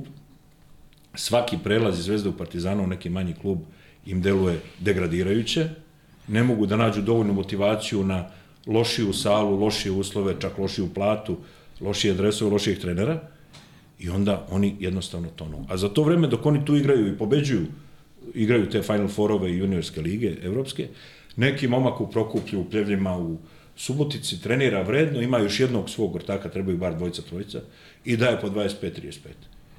I on stiče, ima košarku u rukama, i kad dođe, a približno je to, možda je tada malo slabije, ali to, to se ne dokaže. I kad dođe moment, Partizan i Zvezda će uzeti njega, a ne Eto, ja mislim da je to tako da ne treba juriti bezglavo i nego razcesti, razmišljati. Nije lako ni razmišljati zato što ljudi nisu iz, iz tog e, sveta. Neko nema komšiju trenera ili đuru kao prijatelja pa da ga pita šta je šta. Ali bi valjalo ovaj, malo pore, to imaju agente, pa nekih pitaju. Agenti služe da se, da se ne, da, ne, da, ne da prave e, papazijaniju kao što je e, nametnuto, nego da, da služe da kontrolišu da li se zadovoljava regulativa kojom se uspostavlja odnos kluba i igrača. Zato bi trebali da služe kad već uspostave taj odnos. A ne da se bave nečim drugim. Nek pitaju agente, agenti će im reći najbolje šta je za njih dobro. Pošto Pa tako bi trebalo da bude. Sve znaju. Pa eto, Tako bi trebalo da bude, da. Žok neki agenata, bez mene normalno. Pa da vidimo šta kažu ljudi. Vlado, slažeš se s ovim da će u manjim sredinama igrači pre ovaj, dobiti tu rutinu nego ako su svi nagurani u, u jednu ekipu gde su Pa, je, pa dobro, ovo jeste da ne treba da idu svi u Zvezdu i Partizan. Ali, ovaj, pitanje u manjim sredinama, evo, obilazim ja sad manje sredine i ne samo u našoj republici. Mislim da, da ovaj, nema tako trenera da on može mnogo napreduje. Ima tu malih sredina, pojavi se neko, ali taj trener nema dovoljno znanja i ne mora da ima, ne, ne može svaki trener da zna sve. Eto, Dejan Milović je vodio Jokića, pa nije ga on naučio, Dejan Milović treba bio strašan igrač. Ali potpuno niži igrao je centra na drugi način, naučio je njega neke cake, leđima, košu i tako dalje. Usmerio ga i tako, ali nije ga on naučio, niti je mogao da ga nauči da doda onake lopte kroz noge iza leđa, tako dalje. Čovek to, to nijedan trener ne može da ga nauči, pa čak ni, ni ovi playmakeri koji su igrali ranije vrhovsku košarku ne bi mogli takav pas da doda što doda Jokić. On je rođen za to. Ali nekoga je usmerio, nekomu je pomogao, nekoga je guro. E, takih entuzijasta, trener je, e, profesija trener je i hobi i, i, i profesija. I ti sada to kad spojiš to dvoje zajedno, ako ide dobro, pa to ništa lepše u životu nema. I to mi je hobi, nijako ne bi se tim bavio, još profesija zarađujem pare. I to je tako bilo kad sam ja radio. Međutim, ovi današnji treneri mladi nemaju to, on tamo u nekom, evo sad, ja sam bio u Jablanici, i onaj trener jadnik, on se meni žali jedno, dva sata na svoj položaj tamo i tako dalje. Nije im lako. Nije nikako lako. Koliko podršku ima, para nemaju, i ovo dete, roditelj dođe kao, ma daj, kakav si ti trener, ja to moram da vodim prvo idem u Igokevu, pa ako im tamo ne mogu da prođem, onda ću negde na drugo mesto. Ali uh, teško je, vrlo je teško. Tako to se i kod nas isto ovaj, sa time radi. Iako mnogo dece, hiljade dece treniraju košarku. Nažalost, sve manje talenata. Ali nije samo kod nas, nego svuda. Sad Hrvati kažu, ovo je smešno, razgovarao sam s njihovim ovaj, bivšim vodećim ljudima kao ovo je smešno, u Zvezda i Partizan što rade i šta mi sad tu da izigravamo neke budale topovsku hranu, da napravimo mi Alpe Adria ligu, to će biti ujednačenije. I ovaj, to ako se bude desilo, Srbija može da profitira. Zašto? Jedna naša liga bi na nešto ličila. Mi imamo ovih pet i tamo u Subotici bi onda neki koji već sada rade Tako je. u Valjevu, ne znam, u Kraljevu. Zlatibor, na primjer. Ima nekih para, daj da dam košarku, dolazit će mi Zvezda i Partizan. Ovako, što bi ja ulagao nešto u Kruševcu ili ne, dolazi mi šta ja znam, ovaj Tamiš ili ne znam OKK Beograd, šta mi to znači? Znači, mi bi mogli, na naša liga bi na nešto ličila, ništa naročito, ali bi na nešto ličila. A ovo, Makedonci, Crnogorci sami, Bosna, Ništa. Hrvatska, da, to je to, je smešno. Smešno. Ali oni kažu, a zašta, šta mi služimo ovde? Mi takve budžete ne možemo da imamo. Na šta liči ta liga, sve se zna već unapred da će Zvezda i Partizan da igraju. Ništa. E, to je i u Srbiji kod nas. Inače je podeljena cela Srbija na Zvezdu i Partizan. Taki smo, podeljeni smo. I onda nema više... U, u ovoj sobi smo mi dva zvezdaša, vi ste neopredeljeni. Tako se namestilo. ovaj, ne može ti, ti sada recimo, ja mislim čak i u Čačku, eto, koji se drži nekako i svaka im čast kako se drže. Ali ja mislim da kad dođe tamo Partizan, da tu od onih 3000 ljudi koji mogu da stanu ako mogu, ovaj, 2800 navijaju za Partizan, možda 200 navija za Borac. Kad dođe Zvezda, isto obratno. Ko sada, recimo, ranije radnički iz Niša u futbol igra sa Zvezdom i Partizanom, ja sećam, bio sam mali, to je bilo, Miljanić, kad bi mogli bod da uzmemo u Nišu, bilo bi dobro, to isto i Partizan. Igra Džajić, igra se od Džabete, ima treba da dobiješ radničkog u Nišu. od 18.000 ljudi u Čajru, 15.000 navija za radnički iz Niša, ali iskreno, a one 3.000 partizanovaca iz Zaša, zavisi ko igra. Sada toga nema. Ko navija, sad, igra Javor Ivanjica, koliko ljudi navija za Javor, dođe Zvezda Partizan, navijaju svi za, za Zvezdu Partizan. I malo je, malo je tu sport kod nas, kako bih rekao, više bespredmetno je. Sve je Zvezda i Partizan. Šta sad neko u Pančevu kao, imamo mi Tamiš pa ćemo mi da ulažemo, kad će on da stigne? Ko može da stigne? U Valjevu ili u Subotici? Odvojilo se. Ne može da stigne Da, da, ne, ovi su, da, ovi su evo mnogo gore. Mega, Mega je i postoji zato da bi proizvodila igrače i, i zbog Miška postoji. FNP je postojao još u vreme Čovića, sad je njegov sin tu i oni proizvode igrače, nema nikakve problema. Ali šta može recimo OKK Beograda nema ugovor sa Megom, šta bi mogao da uradi? Šta sad radnički nešto može da uradi? Ko je to koji će da uloži neke pare u radnički? Ajmo da od početka krenemo, sad ćemo mi opet da budemo ranije. Ranije su bila četiri kluba u Beogradu, ali svi su bili opasni, radnički i OKK i Zvezda i Partizan. Treba ti ja dobiješ OKK Beograd i koga dobije, može da računa da može bude prvak u ono vreme one e, Jugoslavije, mi smo onako govorili kao stidljivo, to je bila najjača liga u Evropi, ali je bila sigurno najjača liga u Evropi. Počinje liga Olimpija Ljubljana, Bosna Sarajevo, Cibona, Zagreb, Zadar, Jugoplastika, Partizan i Zvezda, sedam idu na prvo mesto. Nisam pomenuo Šibenku. I oni, ali jedan put je bilo. Sedam klubova ide da osvoji prvo mesto. Kako će da ga osvoje? Ako eventualno ili dobije borca u Čačku, ili budućnost u Podgorici, ili rabotničkog tamo, ili radničkog ili OKK Beograd u Beogradu. Onda imaš neku nadu. Ne možeš dobiješ tih pet nikako. Sve. Ali jednu, dve i ovo kod kuće i ti možda budeš prvi. Ja to stalno pričam kako je Tanjević meni u Palasu dobio čovek u Grenoblu ovoga e, mobil Đirđi, Vareze, Emerson. Vareze, da, Injis, bivši, Emerson. I posle tri dana dolazi ovde da igra sa borcem u Čačku. Pošto su igrali u sredu to finale i osvojili, slavlje, skupština tamo Bosni dočekala i tako dalje, izvinjavam se. Baš sad me napad, napad kašlja. Ovaj, ja tada sam bio mlad trener. I on, kad su otišli svi igrači da spavaju, ostali ovaj njegov Prodanović, Draško, pomoćnik, on i ja, i on kaže, joj, kad bi mogao da dobijem ovaj, ovaj borac, evo da bi, bi ja kažem, pa deljivci, normalno, bre čoveče, dobio si ove tamo, znaš ti ko igra tamo, Menegin, Piti, Sosova, ne znam ko je igrao sve, ne, ne mogu da setim. Ovaj igrače, Rada. On razmišlja da će Rada. dobije Čačak. Koji Čačak u redu, Radmilo Mišović, skidam kapu, ne, ali nemoj, on kaže, e, moj, da ti znaš šta je to, i normalno izgubi utakmicu. To je tako bilo, takva je bila liga. A sada takih klubova kao što je i, i Borac i danas po svoji, ali ti ideš u slogu, u Kraljevo, ideš da igraš sa slogom, znaš kad ćeš da dobiješ? Ako igraš fantastično možeš da dobiješ. U Skoplju protiv Lazara Lečića, to mora, to reprezentacija Jugoslavija dođe pa da igra isto teško dobija. Znači, ko može to da dobija, taj može da računa, će biti prvi. Tako je bilo, sada je sve to ruinirano. Vi samo- spominje- U celoj bivšoj zemlji to je tako. Svi se žale, svi se žale, verujte. Svima je teško. Tu nema dilema, a obilazim to. Idem, bio sam u Tuzli sad, sad sam bio u Jablanici. Sad me zovu ovaj, u Zenicu. I, i, ovaj, I svi se žale kako ćemo, kako bi to mi da podignemo. Imate li vi neki savet, kako? Jer sve to je ovaj devalvirano.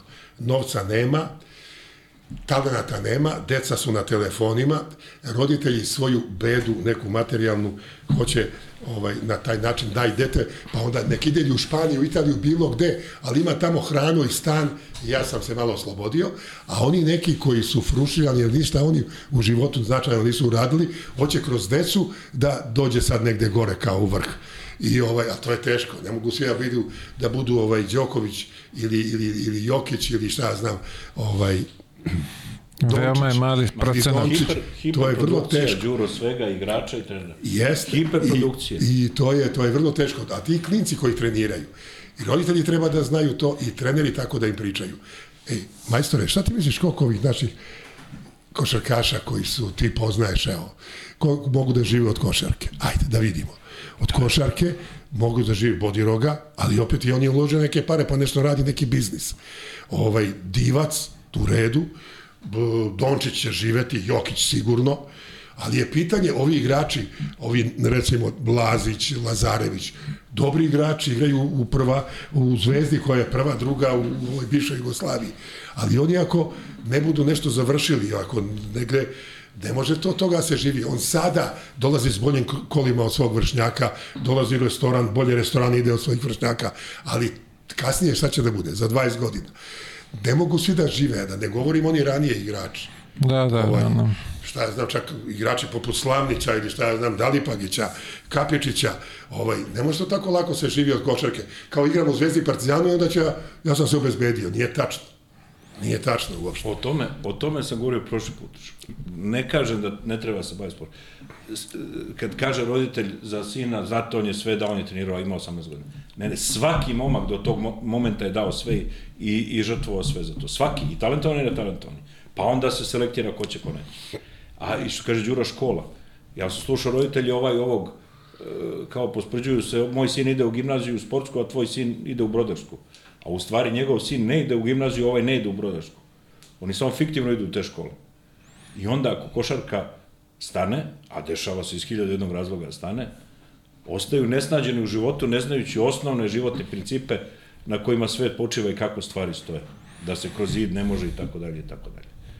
To je, ovde, to je, to je to. A ovde naš kvalitet srednjih, kvalitet igrača je opao iz nekog razloga, sad to treneri bolje znaju, godinama, to nije u momentu bilo, to je trajalo, da sada naši igrači u godinama se ne zadržavaju u inostranstvu, nego odu godinu, dve pa ih vraćaju i naša liga, srpska, je puna igrača od 30 plus godina ili 26 plus godina, koji nemaju da igraju u inostranstvu i onda mladi ponovo nemaju gde da igraju ovde.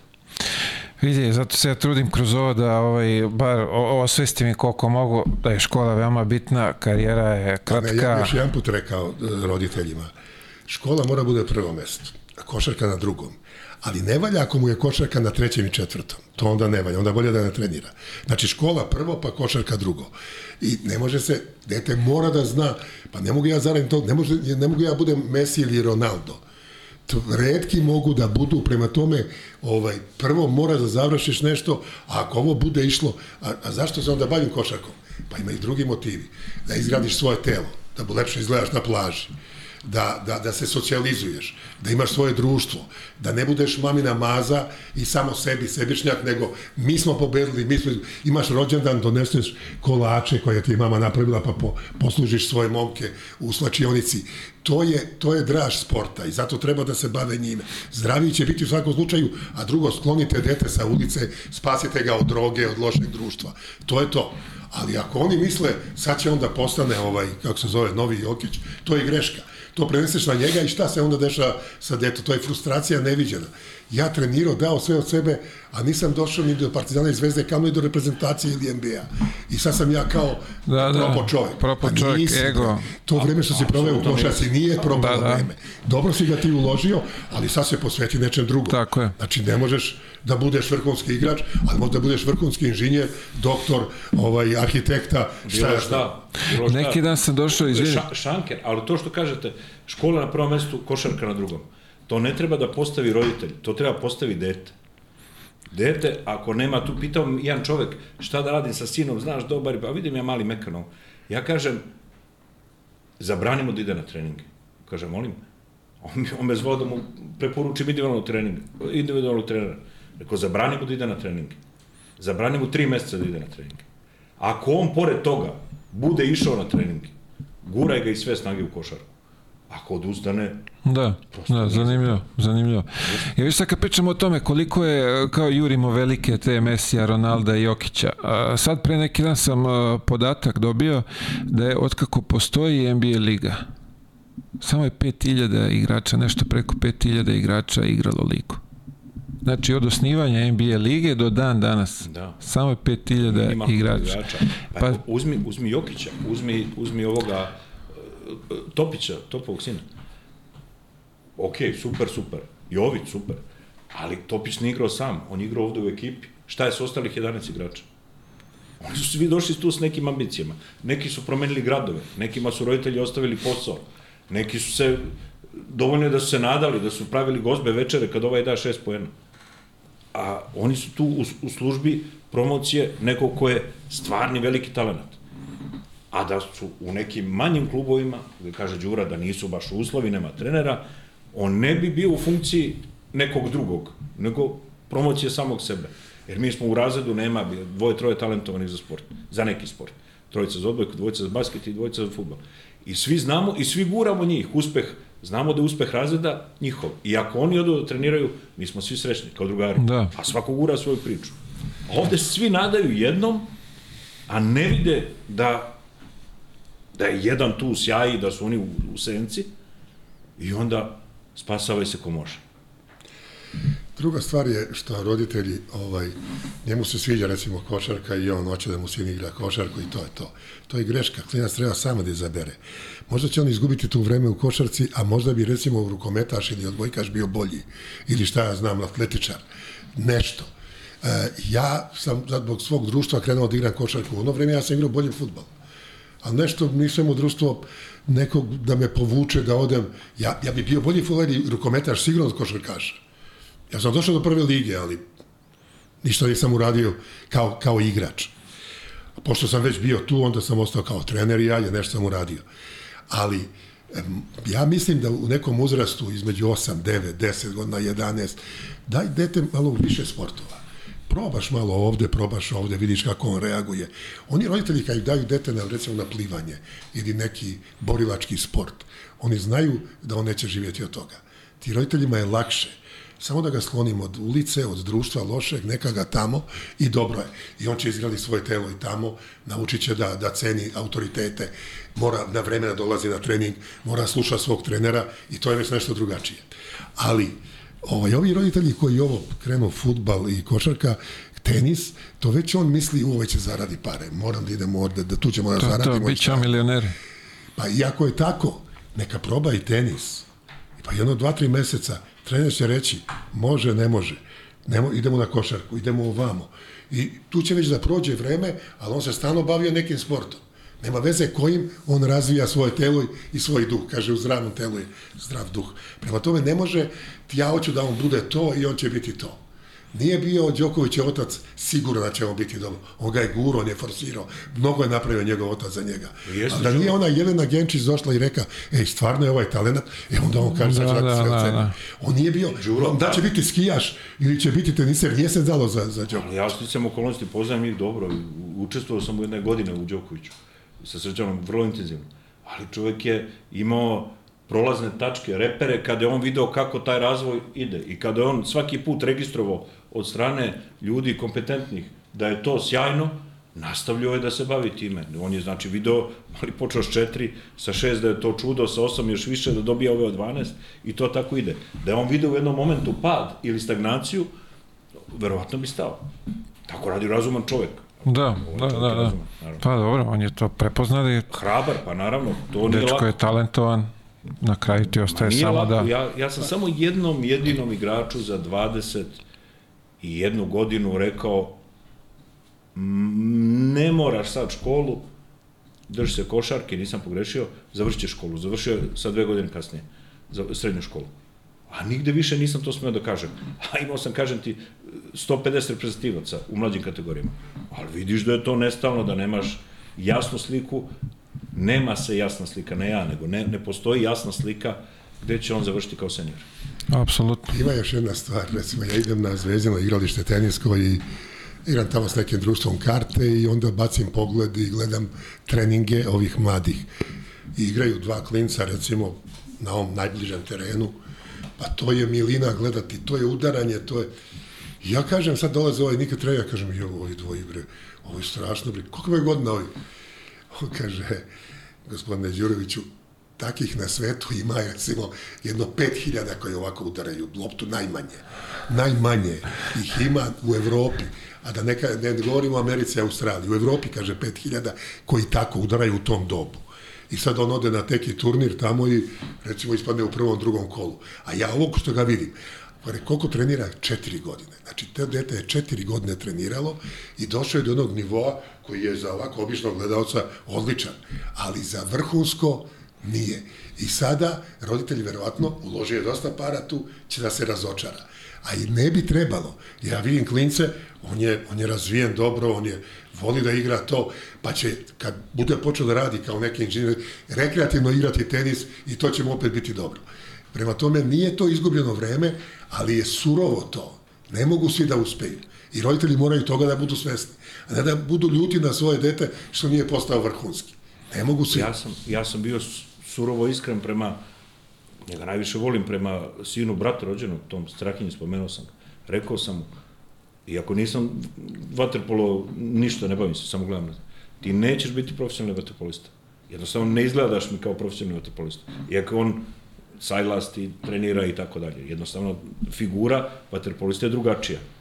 Zar nije lepo da ti treniraš vaterpolo, a da budeš super i još u gimnaziji kao dobar đak, kao neko ko ima poneki fazon da ispriča, kažeš ja igram u Partizanu vaterpolo. Šta će ti više u životu? Imaš drugare, ideš na pripreme, imaš utakmice.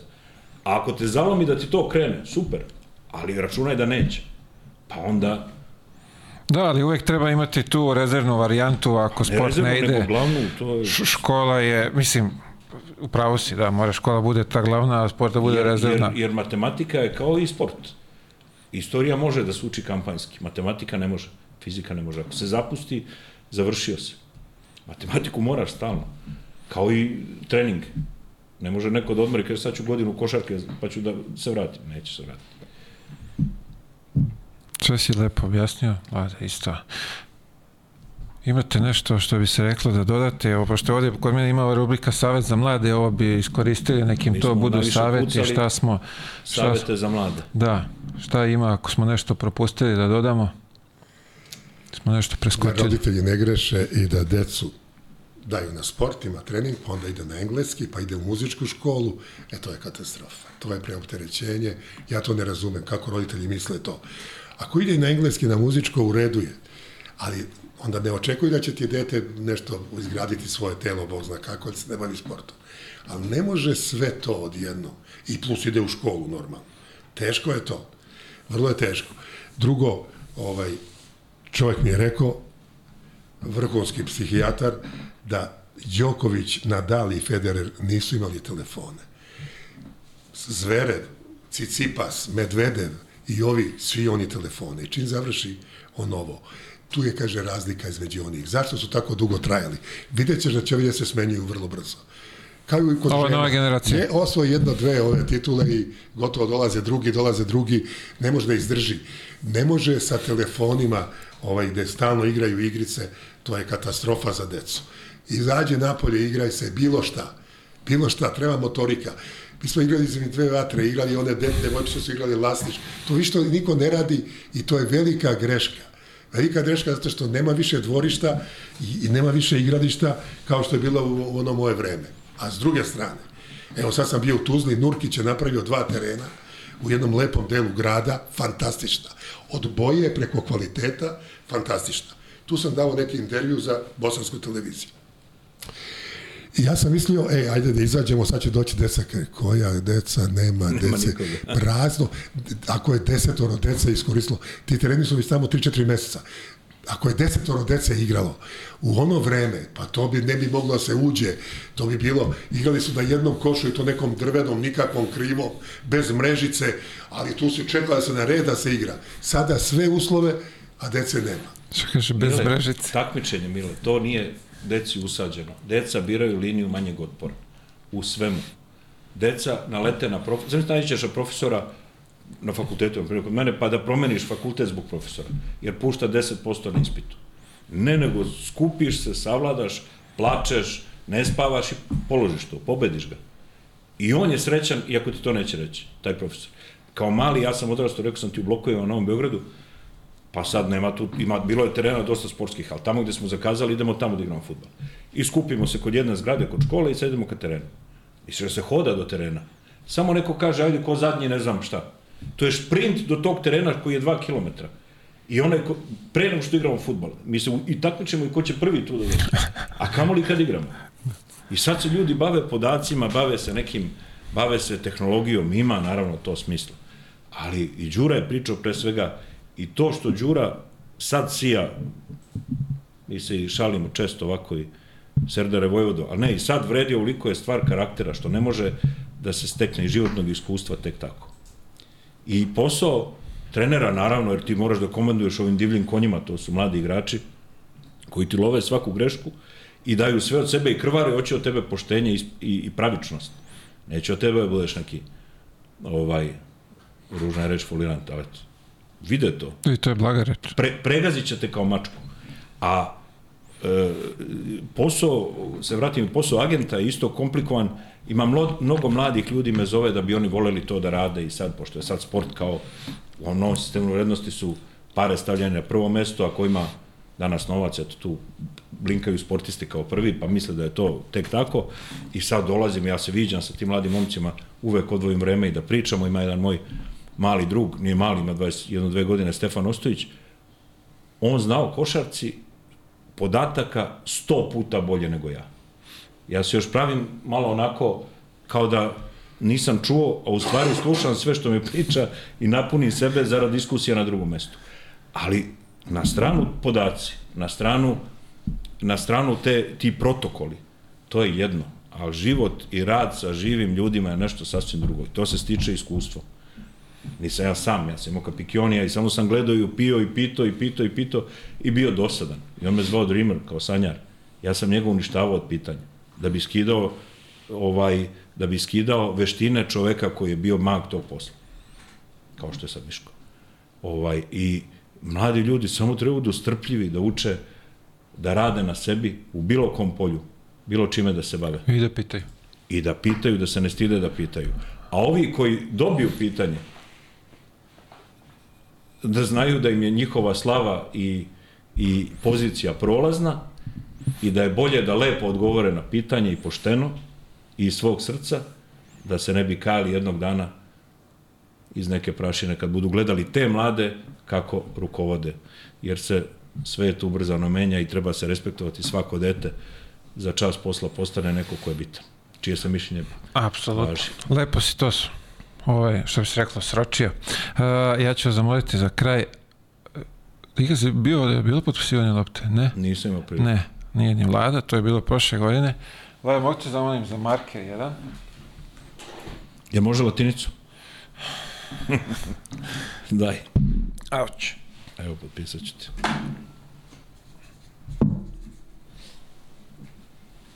Evo, Đuro. Evo ovde za vas imam volite jedan i drugi vina, ali tako? Matijašević nam daruje rock and rolls uz ove letnje tople dane Hvala Matijaševiću. da se ohladi. Hvala Mile. Hvala Matijaševiću. Rekao sam i Mile Matijašević. Hvala Mile. Evo jedna i, i za vladu. Đuro da prebaci. Hvala. Hvala. Uh, što bi se reklo, gospodo, hvala vam na izdvojenom vremenu što ste ovaj prvi povratnici u, podcast. Pa valjda nećemo na osnovu one gledanosti sad da, da klocnemo. Valjda će ovom nekome biti interesantno. Možda nisu, Pa Neće, neće možda nisu, možda, možda nisu nisu ni bile ni doživljaji. Ali, Samo da ne razočaramo, to je važno. Ali, Pa nećemo ali razočarati, pro- ali ovo je onako prošle- jedna nauda, prošle- ona prošli životna put- lekcija. kad si me zvao prošli put, ja sam pogledao, samo kliknuo uveče par emisija pre toga i video kako se snima, jer sam radio na TV-u, da vidim šta mogu da obučem, da li mogu, bilo je vruće kao i danas. I, ovaj, I tek sam posle slušao šta ljudi pričaju, ljudi su pričali doživljaj, možda smo, ono, da bi, ali ovaj, Pa rekli smo da nećemo mnogo doživljajima doživljajima, danas, nego imali smo ove neke zanimljive teme da, stvari, valjda nekom da bude ovo prođemo. Zanimljivo i neko bude imao ovoga. Nadam se da hoće. Još jednom hvala vam mnogo na izdvojenom vremenu. Hvala Milo. Uh, želim vam svu sreću, u, što bi se reklo, u daljoj ovoj predstojećoj sezoni, što na ovim medijskim kućama, što ovako u sportu. Ja bih Nadam se volio da, da će to gospodin bude Đurović bude uspešno. više na televiziji. Da ga gledamo, ja uživam svaki put kad ga gledam, stvarno, bez Bi, veze. biće prilike, biće prilike. Dragi gledalci, hvala vam mnogo. Bila je još jedna ova emisija Ja Mile. Uh, vidimo se sledeće srede. Svako dobro.